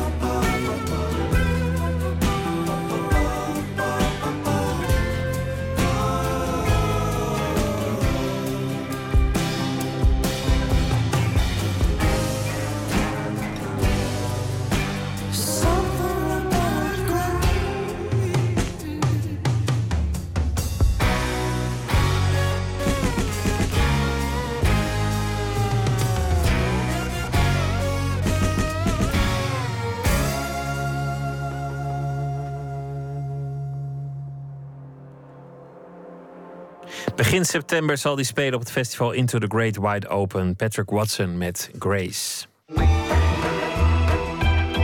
Nooit meer slapen. Een droom die uitkomt, zo kun je het verhaal omschrijven van Misha Rosema. Hij maakte al korte films en commercials voor grote bedrijven als Google, TNT en Nike. Maar intussen is hij ook bezig met zijn echte grote plan. En dat is het maken van een waarachtige film voor Hollywood. En die droom blijkt uit te komen. Hij mag een blockbuster maken bij Warner Brothers. Hij zal zijn, uh, het zal zijn eerste echte lange speelfilm uh, worden. En Nicolaou die bezoekt hem bij Post Panic. Dat is zijn bedrijf in Amsterdam. Best futuristisch hier eigenlijk. Ja, heel erg. Uh, je staat nu in de presentatieruimte. Dat is eigenlijk geïnspireerd op Stanley Kubrick's 2001, Space Odyssey. eigenlijk was het idee dat dit bureau, wat je, wat je nu naar kijkt, de grote tafel, dat het een floating monolith zou zijn. Met een beetje fantasie is de presentatieruimte van het bedrijf van Misha Rosema inderdaad een kamer in een ruimteschip. Aan de hele inrichting van het pand is af te lezen dat hij ervan houdt de dingen groots aan te pakken. En dat hij een voorliefde heeft voor voetbal en science fiction. In de gang beneden zijn zijn helden geschilderd op de muur. Je ziet dus inderdaad aan de linkerkant gigantisch groot Johan Cruijff en aan de rechterkant Stanley Kubrick. Dus dan lopen door de poorten van grootheden. In maart publiceerde Misha Rosema Sundays op internet. Een korte film van 14 minuten. Een science fiction nachtmerrie, gebaseerd op de filosofische vraag Wat als dit allemaal niet echt is? The Matrix meets Inception. What if the things you know are just a made-up story? An illusion. De decors en special effects zijn duizelingwekkend. De film heeft een geheel eigen duistere sfeer. Een nachtmerrie volgens mij. Het is iemand die, die alles waar hij ooit in heeft geloofd... Uh, weg ziet vallen. Dus al, al, iedereen die je ooit hebt gekend, al je, je herinneringen... die, erachter komt dat, dat, dat niks waar is... Uh, maar wat is dan wel waar? In principe kan ik dat nu al naar jou, uh, aan jou vragen. Van hoe, hoe kan jij mij verzekeren dat alles wat jij meemaakt, dat dat een, dat dat een waarheid is? Dus natuurlijk, jouw realiteit speelt zich af in je hersenen. Is iets wat jij bepaalt. En het zijn niks anders dan, dan knopjes, die, een soort binaire code van elektrische impulsen die aan of uitgaan. En dat is per definitie dus al te kopiëren. En zeker in de, in de nabije toekomst. En we zitten nu in een, in een tijd die zo snel gaat. Waar informatie zo belangrijk uh, aan het worden is. Of is geworden. Dat, uh, dat het hebben van informatie, uh, het hebben van macht is. Het gaat niet meer om geld. Ik, ik heb letterlijk, nou, ik moet het helemaal niet zeggen, maar ik heb in Amerika wel wat meegemaakt. Dat je daar bedrijven binnenloopt en die dat ook letterlijk zeggen. Het, het maakt ons niet uit hoeveel, hoeveel geld er verdiend wordt. We want to be the only ones left. We want, we want, we want your soul. En dat was letterlijk hun bedrijfspitch. En ik schrok daarvan in die zin. Maar ja, het, het, is wel exact waar mijn film ook over gaat. Dan hebben we het over de Googles en de Microsofts en de Apples niet heel veel verder op in volgens mij. Maar dan, dan heb je het over dat. Volgens dat, mij werk je wel eens voor Google. Maar... Ja, nee, bij de, dit was toevallig niet Google. Maar uh, mijn film gaat wel over bedrijven die, die inderdaad Google, Microsoft, Apple, uh, Amazon... Uh, Facebook, uh, alles wat, wat informatie is en, en, en, bezig is met, met, het, met het vormgeven van onze toekomst. Veel meer dan, dan, dan ene, enige regering dan ook. What if we are not the kings? What if I don't dream at night? Because this is the dream. Sundays is, zoals dat dan heet, een proof of concept. Een bewijs van kunnen om de studiobonzen in Hollywood lekker te maken. En dat lukte, en niet zo'n beetje ook. Twee dagen na de lancering stond heel Hollywood op de stoep in Haarlem. Althans, figuurlijk dan.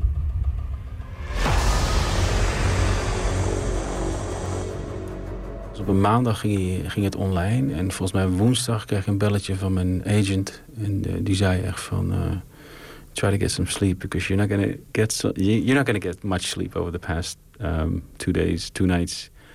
En, en wist je meteen wat hij bedoelde? Ja, hij zei het ook gelijk van het it's cooking. Hij, we wisten al dat er wat aan de hand was en dat zij ook al dingen aan het bekokst over waren, maar dat het dat zo snel zou gaan, dat dat wist helemaal niemand. Dat waren ze ook wel van geschrokken, geloof ik.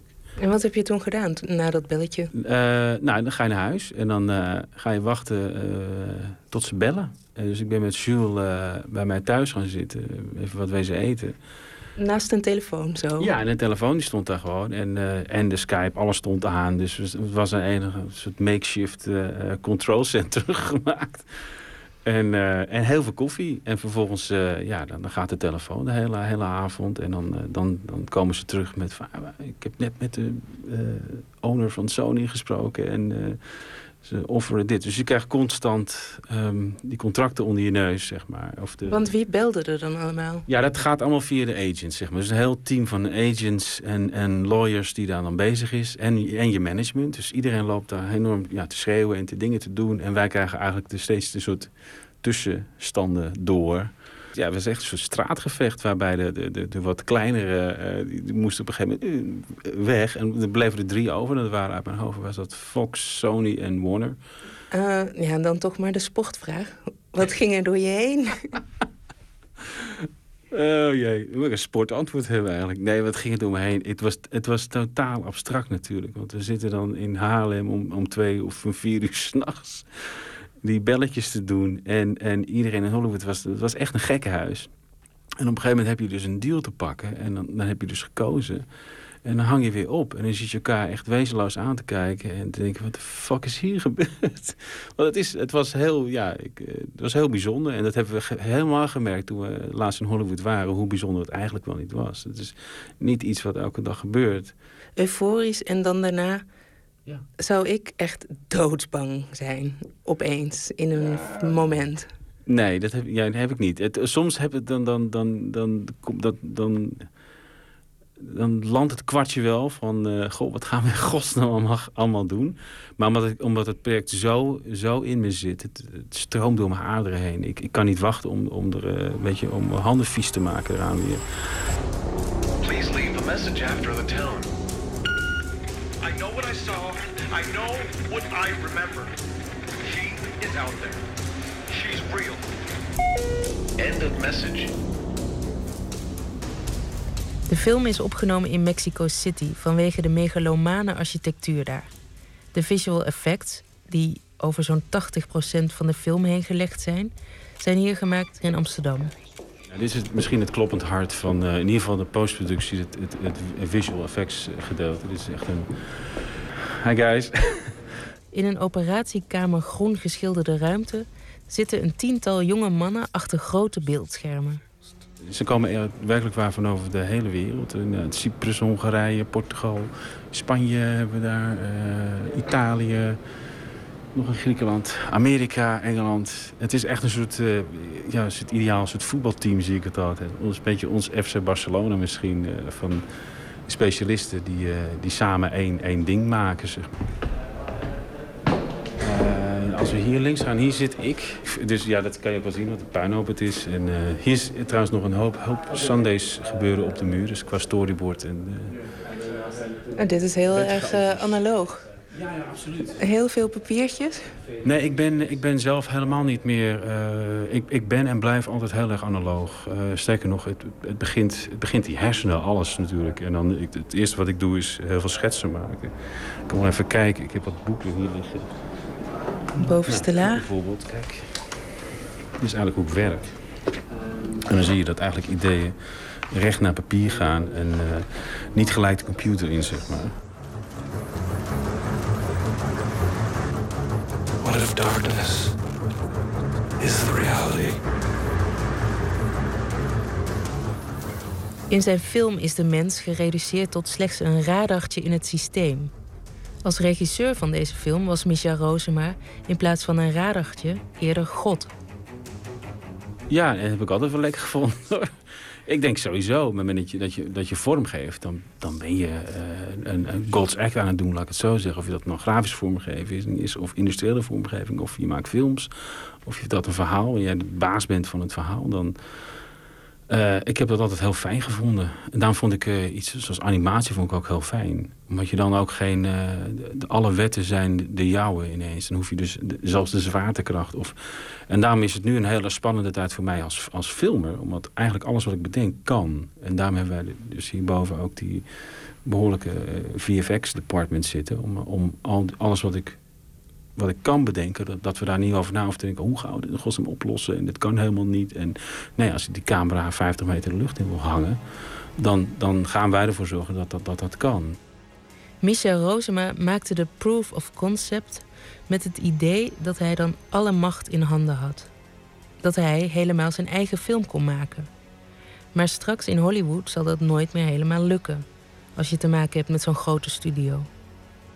Ja, je, moet, eh, je, moet, je moet echt een team zijn. En eh, ja, ik hoop dat we, dat we nu een goed team hebben. Al- Alle, alle tekenen zijn, zijn heel erg goed. De mensen die het meeproduceren, die zijn daadwerkelijk heel erg geïnteresseerd in, in het thema van de film. En dat is voor mij het allerbelangrijkste. En ik moet, ik moet ook mijn deur openzetten en, en, en toegeven dat ik een aantal dingen ook niet helemaal goed beheers. Een beetje dialogen schrijven in een taal die, mij, die mijn tweede taal is, niet mijn eerste. Dus dan moet ik ook niet gaan zeggen van "Oh, dat, dat, ik, weet, ik weet dat beter. Dus ik, ik, ik luister ook wel daadwerkelijk wat, eh, wat, wat werkt en wat niet werkt. Maar ja, je zit nu met een niveau mensen te werken. Eh, eh, qua schrijvers en ja, screenwriters. En eh, ja, dat, dat- dan mag je ook van uitgaan dat dat ook wel goed gaat komen, zeg maar. Dus ja, ik heb daar alle vertrouwen in op dit moment. En ja, we spreken elkaar over een paar jaar misschien nog. En dan is het jankend aan je microfoon. Nee, ik ben benieuwd. Tot slot nog even de celebrity nieuws vraag. Wie doet de hoofdrol? Daar mag ik niks over zeggen. Ja, sorry, het spijt me. Jammer. Nee, het viel te proberen. Ja, tuurlijk. Dank je wel.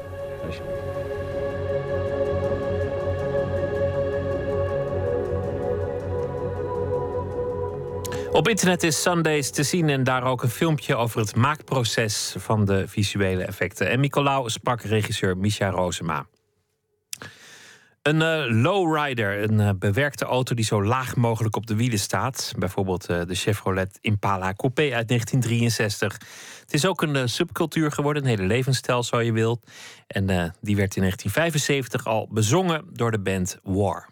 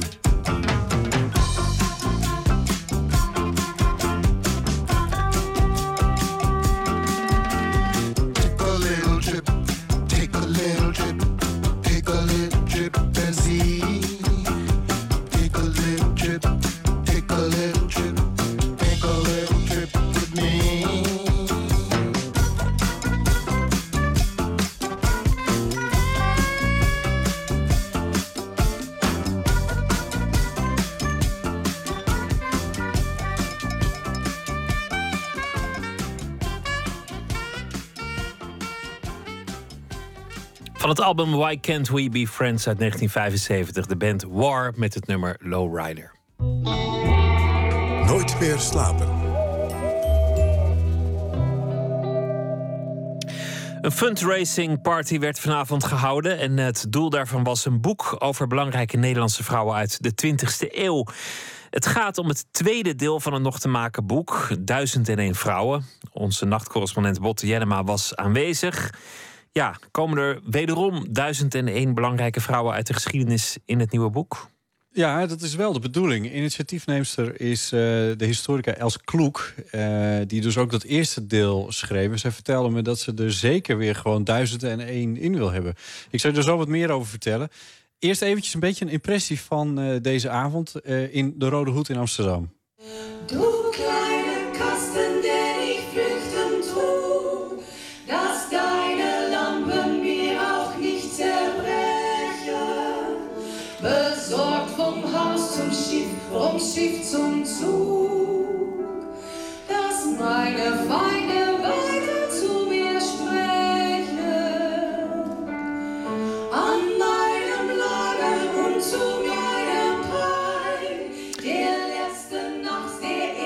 Een impressie van de avond, Botte, vertel.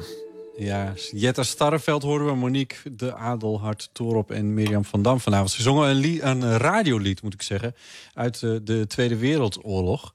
Uh, en uh, ze eerden vanavond Jetty Pearl, Connie Stewart en Jetty Kantor. Dat zijn allemaal zangeressen uit de periode van de Tweede Wereldoorlog. Dan hebben we het natuurlijk over de 20e eeuw. zij traden ook allemaal voor de radio op. Dus het woord radio viel ook vrij vaak vanavond. Dat zijn typische voorbeelden van vrouwen die Els Kloek heel graag in haar nieuwe boek wil hebben. Maar om dat voor elkaar te krijgen, doet ze nu dus een beroep en een oproep om geld in te zamelen. En daarom waren er ook nog optredens van DJ Isis. En kwamen de vrouwen als Dione de Graaf het podium op, Hedy Dancona en Marian Zwegman. Die kwamen ook nog aan het woord. Els Kloek was vorig jaar te gast in het programma. Ze heeft dat boek gemaakt, 1001 vrouwen uit de geschiedenis ja, een beetje een, een tegengewicht tegen de al te mannelijke geschiedschrijving. Dat is duidelijk, maar waarom dan speciaal een boek over vrouwen uit de 20e eeuw? Ja, nou ja, er is natuurlijk iets anders bekend over de vrouwen uit de 20e eeuw dan de vrouwen die er eerder. Uh, dat andere boek dat ging echt over door de hele geschiedenis ongeveer. Uh, er stonden trouwens ook vrouwen uit de 20e eeuw in. Maar ze zegt gewoon van, van op een of andere manier worden vrouwen sneller vergeten. Dus dat is ja, op zichzelf is natuurlijk razend interessant materiaal voor een historicus. Als je daar induikt, dan krijg je een beeld van de achterkant van de geschiedenis, zo zegt Els Kloek. Je hebt het een beetje het idee dat door die verhalen over vrouwen... dat je in de keuken van het verleden aan het kijken bent. Mm. En uh, of dat in de voor 20... want we gaan nu een deel maken over de 20e eeuw... want ik had nog zoveel uh, kandidaten liggen. Ik heb even meegeschreven, want uh, u zei van... oorspronkelijk had ik een, een groslijst van 700 uit de 20e eeuw. Daar zijn er 200 van in uw eerste deel terechtgekomen. Klopt. Toen had hij er dus nog 500 over. Maar nu is de groslijst weer gegroeid tot 1200. Ja, want ik ben natuurlijk weer namen gaan verzamelen. En ik roep ook mensen op om uh, mij suggesties te doen. Dus dat stroomt ook binnen. Ja. En ik heb, weet ik het, ik ben op internet ook aan het zoeken. En je, uh, we zijn allemaal deskundigen aan het raadplegen. En ja, er komen nog wekelijks uh, namen binnen. En zo groeit die lijst weer langzaam uit. Ja, ik, ik ben de tel ook echt helemaal kwijt, hoor. Dus ik weet het echt niet. Maar er komen er duizend en één weer in dat volgende deel. Maar we hebben meer kandidaten. Een van de vrouwen die erin komt is verzetsheldin Jacoba van Tongeren. Nou, typisch 20e eeuwse vrouw. Daarvoor uh, brak nieuw directeur Marjan Zwegman vanavond een lans. Uh, je krijgt echt een kijkje in de keuken van het verzet, zo vertelt Marjan. Zij schrijft openlijk over haar conflicten met uh, bekende verzetsleiders... zoals Henk van Randwijk, leider van Vrij Nederland... En dat ging echt niet over de minste dingen. Het ging met name over wanneer mag je nou wel en niet geweld gebruiken. Mm -hmm. En zij vond dat uh, je daar ongelooflijk terughoudend in moest zijn. Ze was niet tegen, maar je moest daar terughoudend in zijn. En Van Randwijk vond, de oorlog schrijdt voort, het wordt steeds gewelddadiger. Een vrouw kan dat niet en dus moet ik jouw plaats innemen als leider van jouw groep. Want uh, er moet nu eenmaal gewoon krachtig worden opgetreden. En, en Jacoba liet dat gewoon niet gebeuren. Op een dag komt hij bijvoorbeeld haar kantoor bezetten. Gaat hij zitten samen met een andere verzetsmakker. Hij denkt dat hij eigenlijk al zo intimiderend is... dat zij gewoon wel haar spullen zal pakken en op zal stappen. Maar dat doet ze niet. Uh, ze blijft gewoon zitten. Ze werkt gewoon door. Ze besteedt geen aandacht aan deze mensen. En aan het eind van de dag uh, verzoekt ze haar uh, medewerker... omdat het gebouw gesloten wordt... dat deze mannen de ruimte moeten verlaten. En ja, ze weten ook eerlijk gezegd gewoon niet anders dan dat ze dat dan maar moeten doen. En uh, nou ja, zo zijn er diverse voorbeelden van aanvallen van uh, de top van het verzet van toen uh, op haar en op haar positie. Nou ja, dat zijn dingen die lees je echt nergens. En daardoor gaat het zo voor je leven. Ja, want vroeger hoorde je altijd dat Nederland zij aan zij, schouder aan schouder streed tegen de bezetter. Maar binnen het verzet was het helemaal niet zo gezellig. Dat, dat soort verhalen die uh, komen langzaamaan toch steeds meer naar buiten. Nou ja, als strijdje voor dezelfde zaak. Je kan uh, altijd conflicten hebben. En uh, in dit geval is het dus interessant dat het een vrouw was die dat uh, die, die voet bij stuk hield. En dus ook tegen die bekende verzetsman, die grote Van Randwijk, inging. Um, en Van Randwijk die overrulde haar trouwens op een gegeven moment toch. Dat vertelde Zwegman op het podium vanavond. En toen is er een aanslag geweest waarbij een SD'er om het leven is gekomen. En dat heeft geleid tot de executie van uh, 30 onschuldige burgers. Dat is, uh, daar is dat monument in het uh, Weteringsplantsoen in Amsterdam voor opgericht. Um, nou ja, en, en zei hier dus ook over van ja, als je hier Van Tongeren's lijn had aangehouden binnen dat verzet, de geweldloze optie, misschien, misschien was dat dan toch beter geweest. Nou ja, dat soort verhalen, die komen dus in dat boek. Deel 1 van 1001 Vrouwen, uh, verschenen in 2013, was een enorm succes. Meerdere drukken, het is uh, ook nergens meer te krijgen. Kennelijk vervult het ook een soort behoefte. Er is vraag naar. Ja, uh, dat, dat komt natuurlijk door de inhoud waar we het net over hadden. ook door de bijzondere vorm die dit boek heeft. De vormgeefster Irma Boom daarover.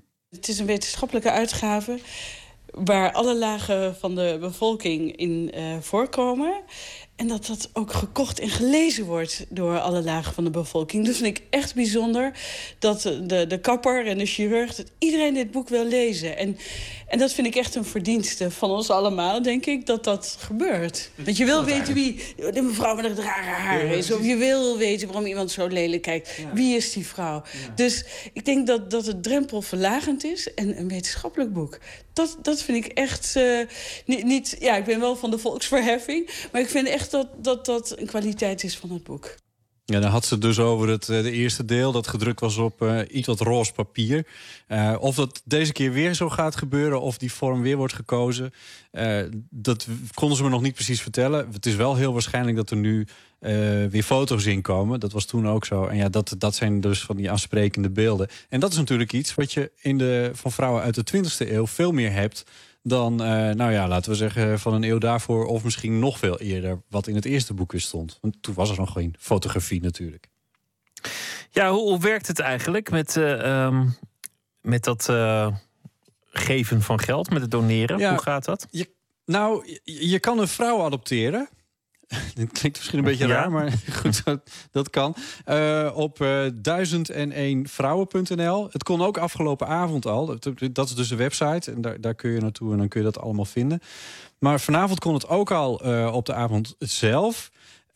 Ik kan je trouwens even vertellen wat het vanavond al heeft opgeleverd. Dat is me zojuist per sms toegezonden.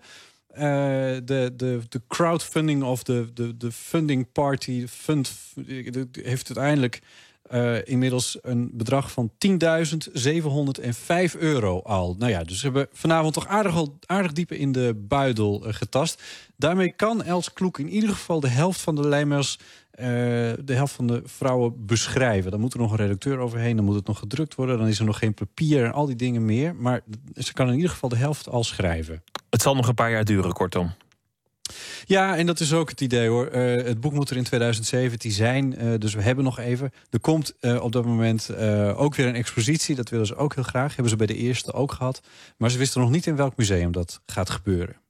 Botte Jellema, dankjewel en een goede nacht. Goeienacht. De Britse film Man Up is een romantische komedie. En op de soundtrack daarvan vonden wij een nummer van de band Elbow. What time do you call this?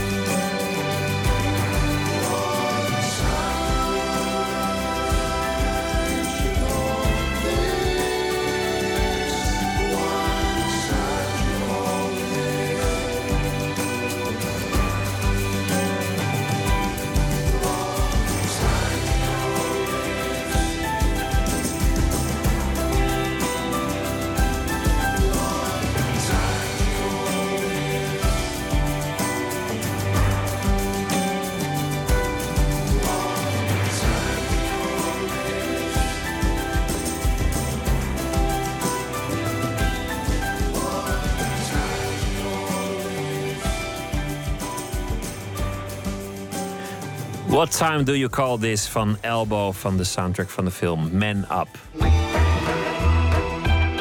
Nooit meer slapen.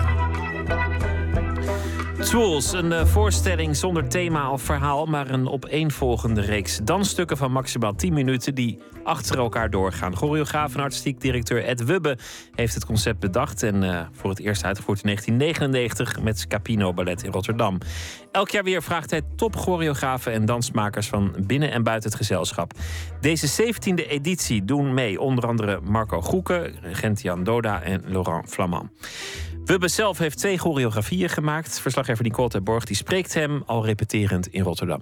Uh, laat even kijken nog. Marlies, speel even. Uh, en dan, uh, Frederik, doe rustig schoenen aan. Komt zo aan.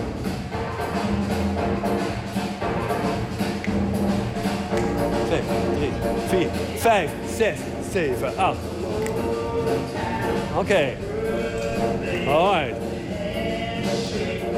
Hij is, eh, hij is heel energiek. Hij is eh, soms een tikkeltje chaotisch in, een- in, een- in een goede zin. Dat er heel veel gepraat wordt en er wordt heel veel, er is heel veel inspiratie. En eh, oké, doe dit. En hij raakt ontzettend enthousiast als, er, als hij iets leuk vindt of als hij, iets, eh, als hij potentie ergens in ziet of eh, in die richting. Het is heel eh, verrassend om met hem te werken, want je weet eigenlijk nooit eh, eh, wat er gaat gebeuren, waardoor je als danser heel open eh, binnenkomt. Je kan alles verwachten. Twee danseressen van ons Capino Ballet over Ed Wubbe. Mare Hulspas danst twee jaar en Bonnie Doets 22 jaar voor het gezelschap. De choreograaf zoekt altijd de grens op in zijn dans.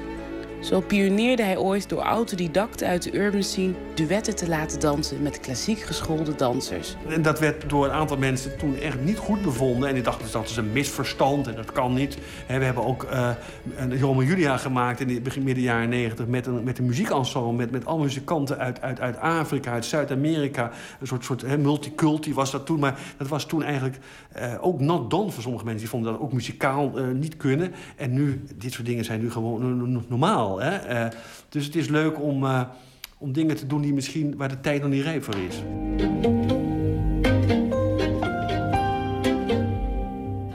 Mag ik nog één keer zien dat moment, de, eh, het begin van je duet? Met het ronddraaien, weet je, dat, dat kalme ronddraaien om elkaar ruimte te geven. 25 jaar zit je bij Scapino. Eerst als choreograaf en in 92 als artistiek directeur. En constant zoek jij de vernieuwing op, hè? Eh, ga je samenwerkingen aan met andere kunstdisciplines. Waarom? Nou, het is gewoon heel belangrijk om jezelf te ontwikkelen. Hè? Als, mij als, ikzelf als choreograaf, maar ook als gezelschap. Dat je nieuwe dingen wil uitproberen. Ook die grenzen te verleggen. En ik geloof ook heel erg waar ik op zoek naar ben. Ik, ik wil graag, hè, dat is een beetje een ambitie dat wij, ah, ikzelf, maar ook Scapino, we willen graag dat zoveel mogelijk mensen die voorstellingen zien. Omdat we geloven, en ik geloof heel erg dat er voor dans nog steeds een veel groter publiek is dan er is. En daarom moet je proberen om verbindingen te leggen, om, om grenzen te eh, doorbreken. Eh, ja, wat je- zelf al zei, samenwerkingen te zoeken. En misschien dingen te doen die niet voor de hand liggen. Juist iets doen wat misschien not done is in de dans. Of, eh, of, of wat vervreemd is, of wat onbekend is. En, en ja, dat is ook heel erg spannend om, om dat levend te houden.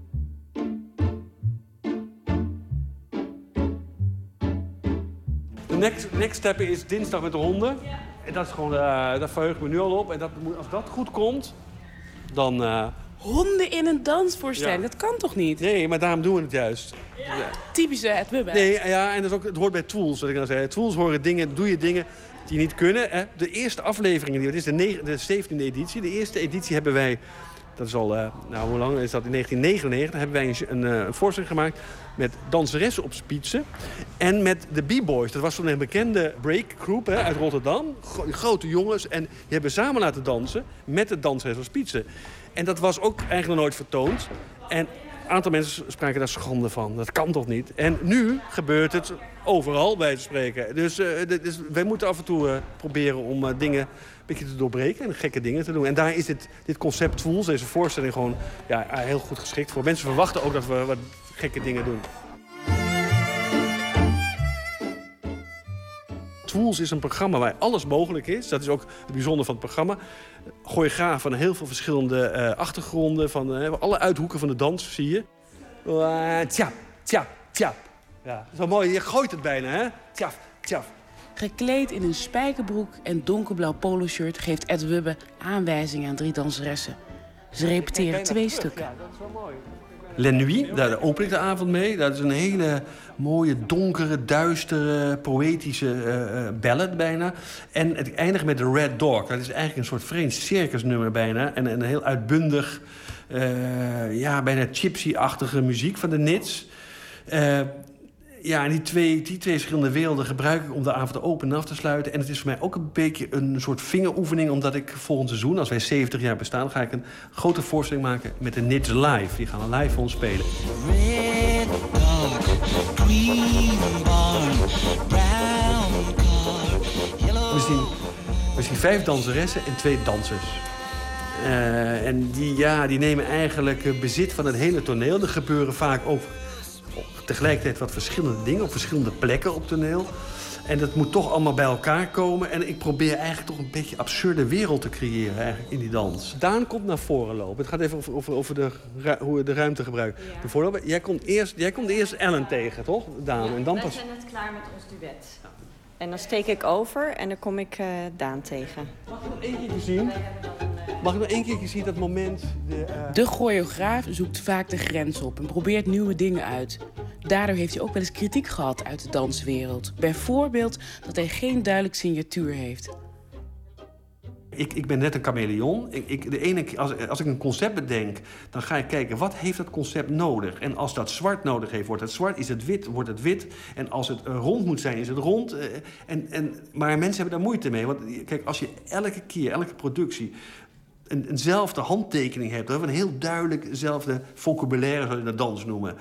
eh, dan is dat heel makkelijk herkenbaar. En, en, en ja, dat is ook makkelijk. En, eh, eh, maar er zijn ook kunstenaars geweest, daar wil ik me niet mee vergelijken... maar Picasso is ook een, een groot voorbeeld. Die heeft heel veel werk gemaakt in periodes... Waar, die compleet anders waren. En ik dat, dat vind ik heel erg inspirerend. En, en zo hoop ik ook te zijn. Ik zit heel lang in het vak en ik heb ontzettend veel kritiek gehad. En ik ben ook heel vaak, als ik beledigd ben ik ook heel vaak. In, hè, want je, je bent constant sta je in de schijnwerper. Je wordt in de krant bekritiseerd, het publiek geeft kritiek.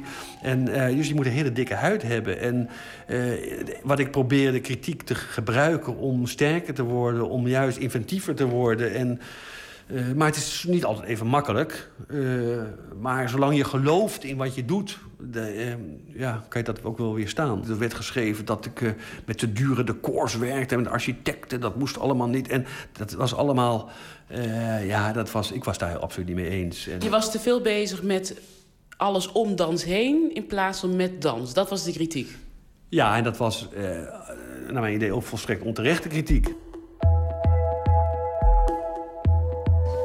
Misschien kunnen we het nemen, eh, Vero, van eh, dat jij, jij diagonaal, vanaf de stop de diagonaal even doet.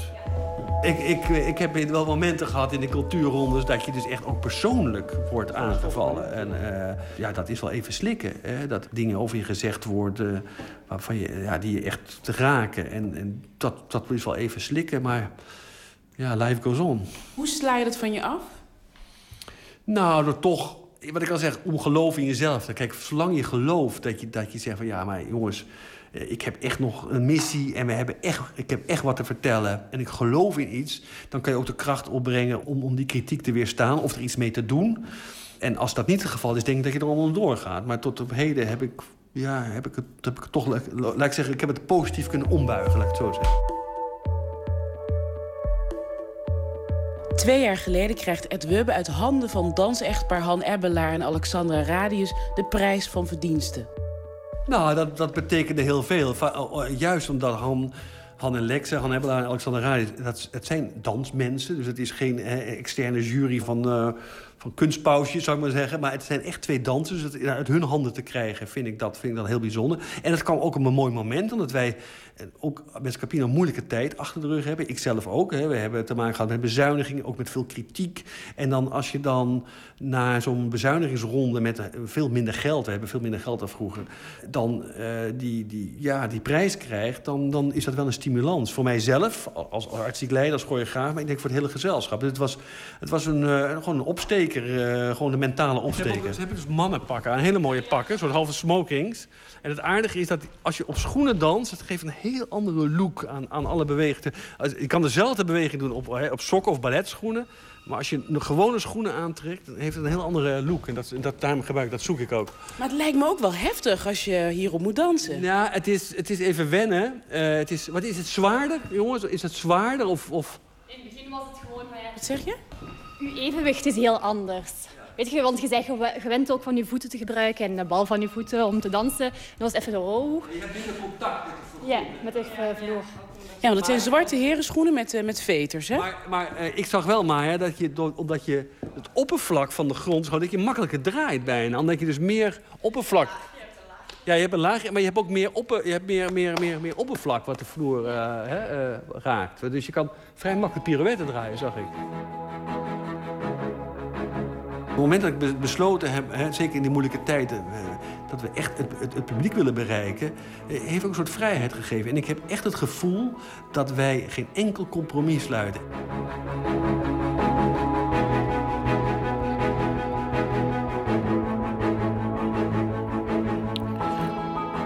De voorstelling is te zien van woensdag 3 tot en met zaterdag 6 juni 2015 in de Rotterdamse Schouwburg, Tools 17.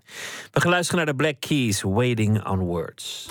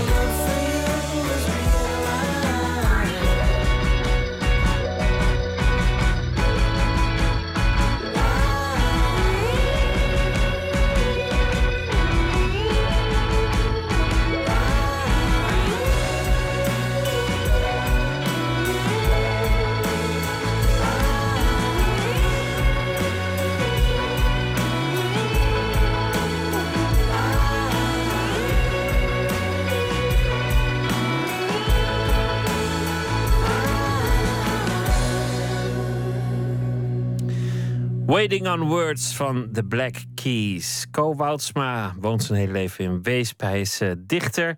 En eh, deze week zal hij elke nacht een eh, gedicht voor ons voordragen. Hij leest een gedicht van zijn eigen hand, Dordrecht.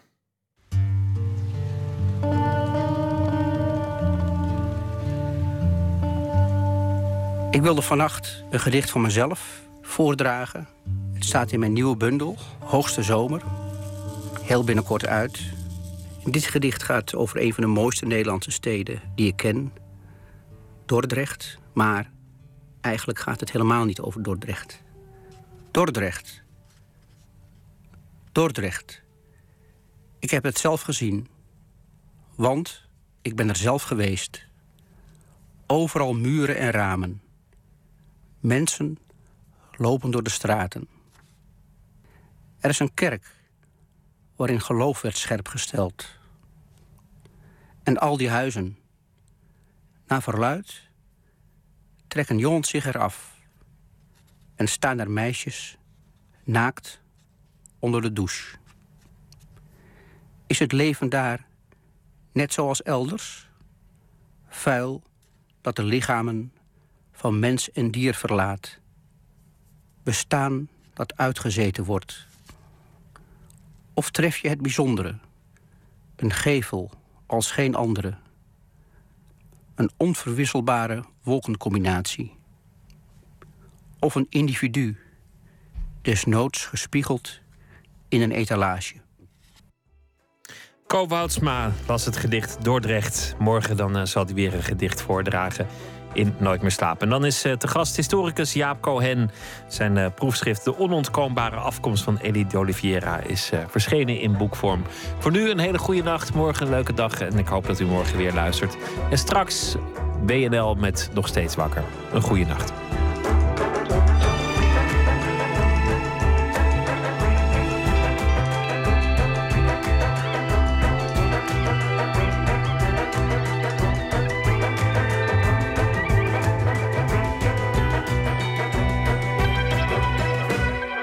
Radio 1, het nieuws van alle kanten.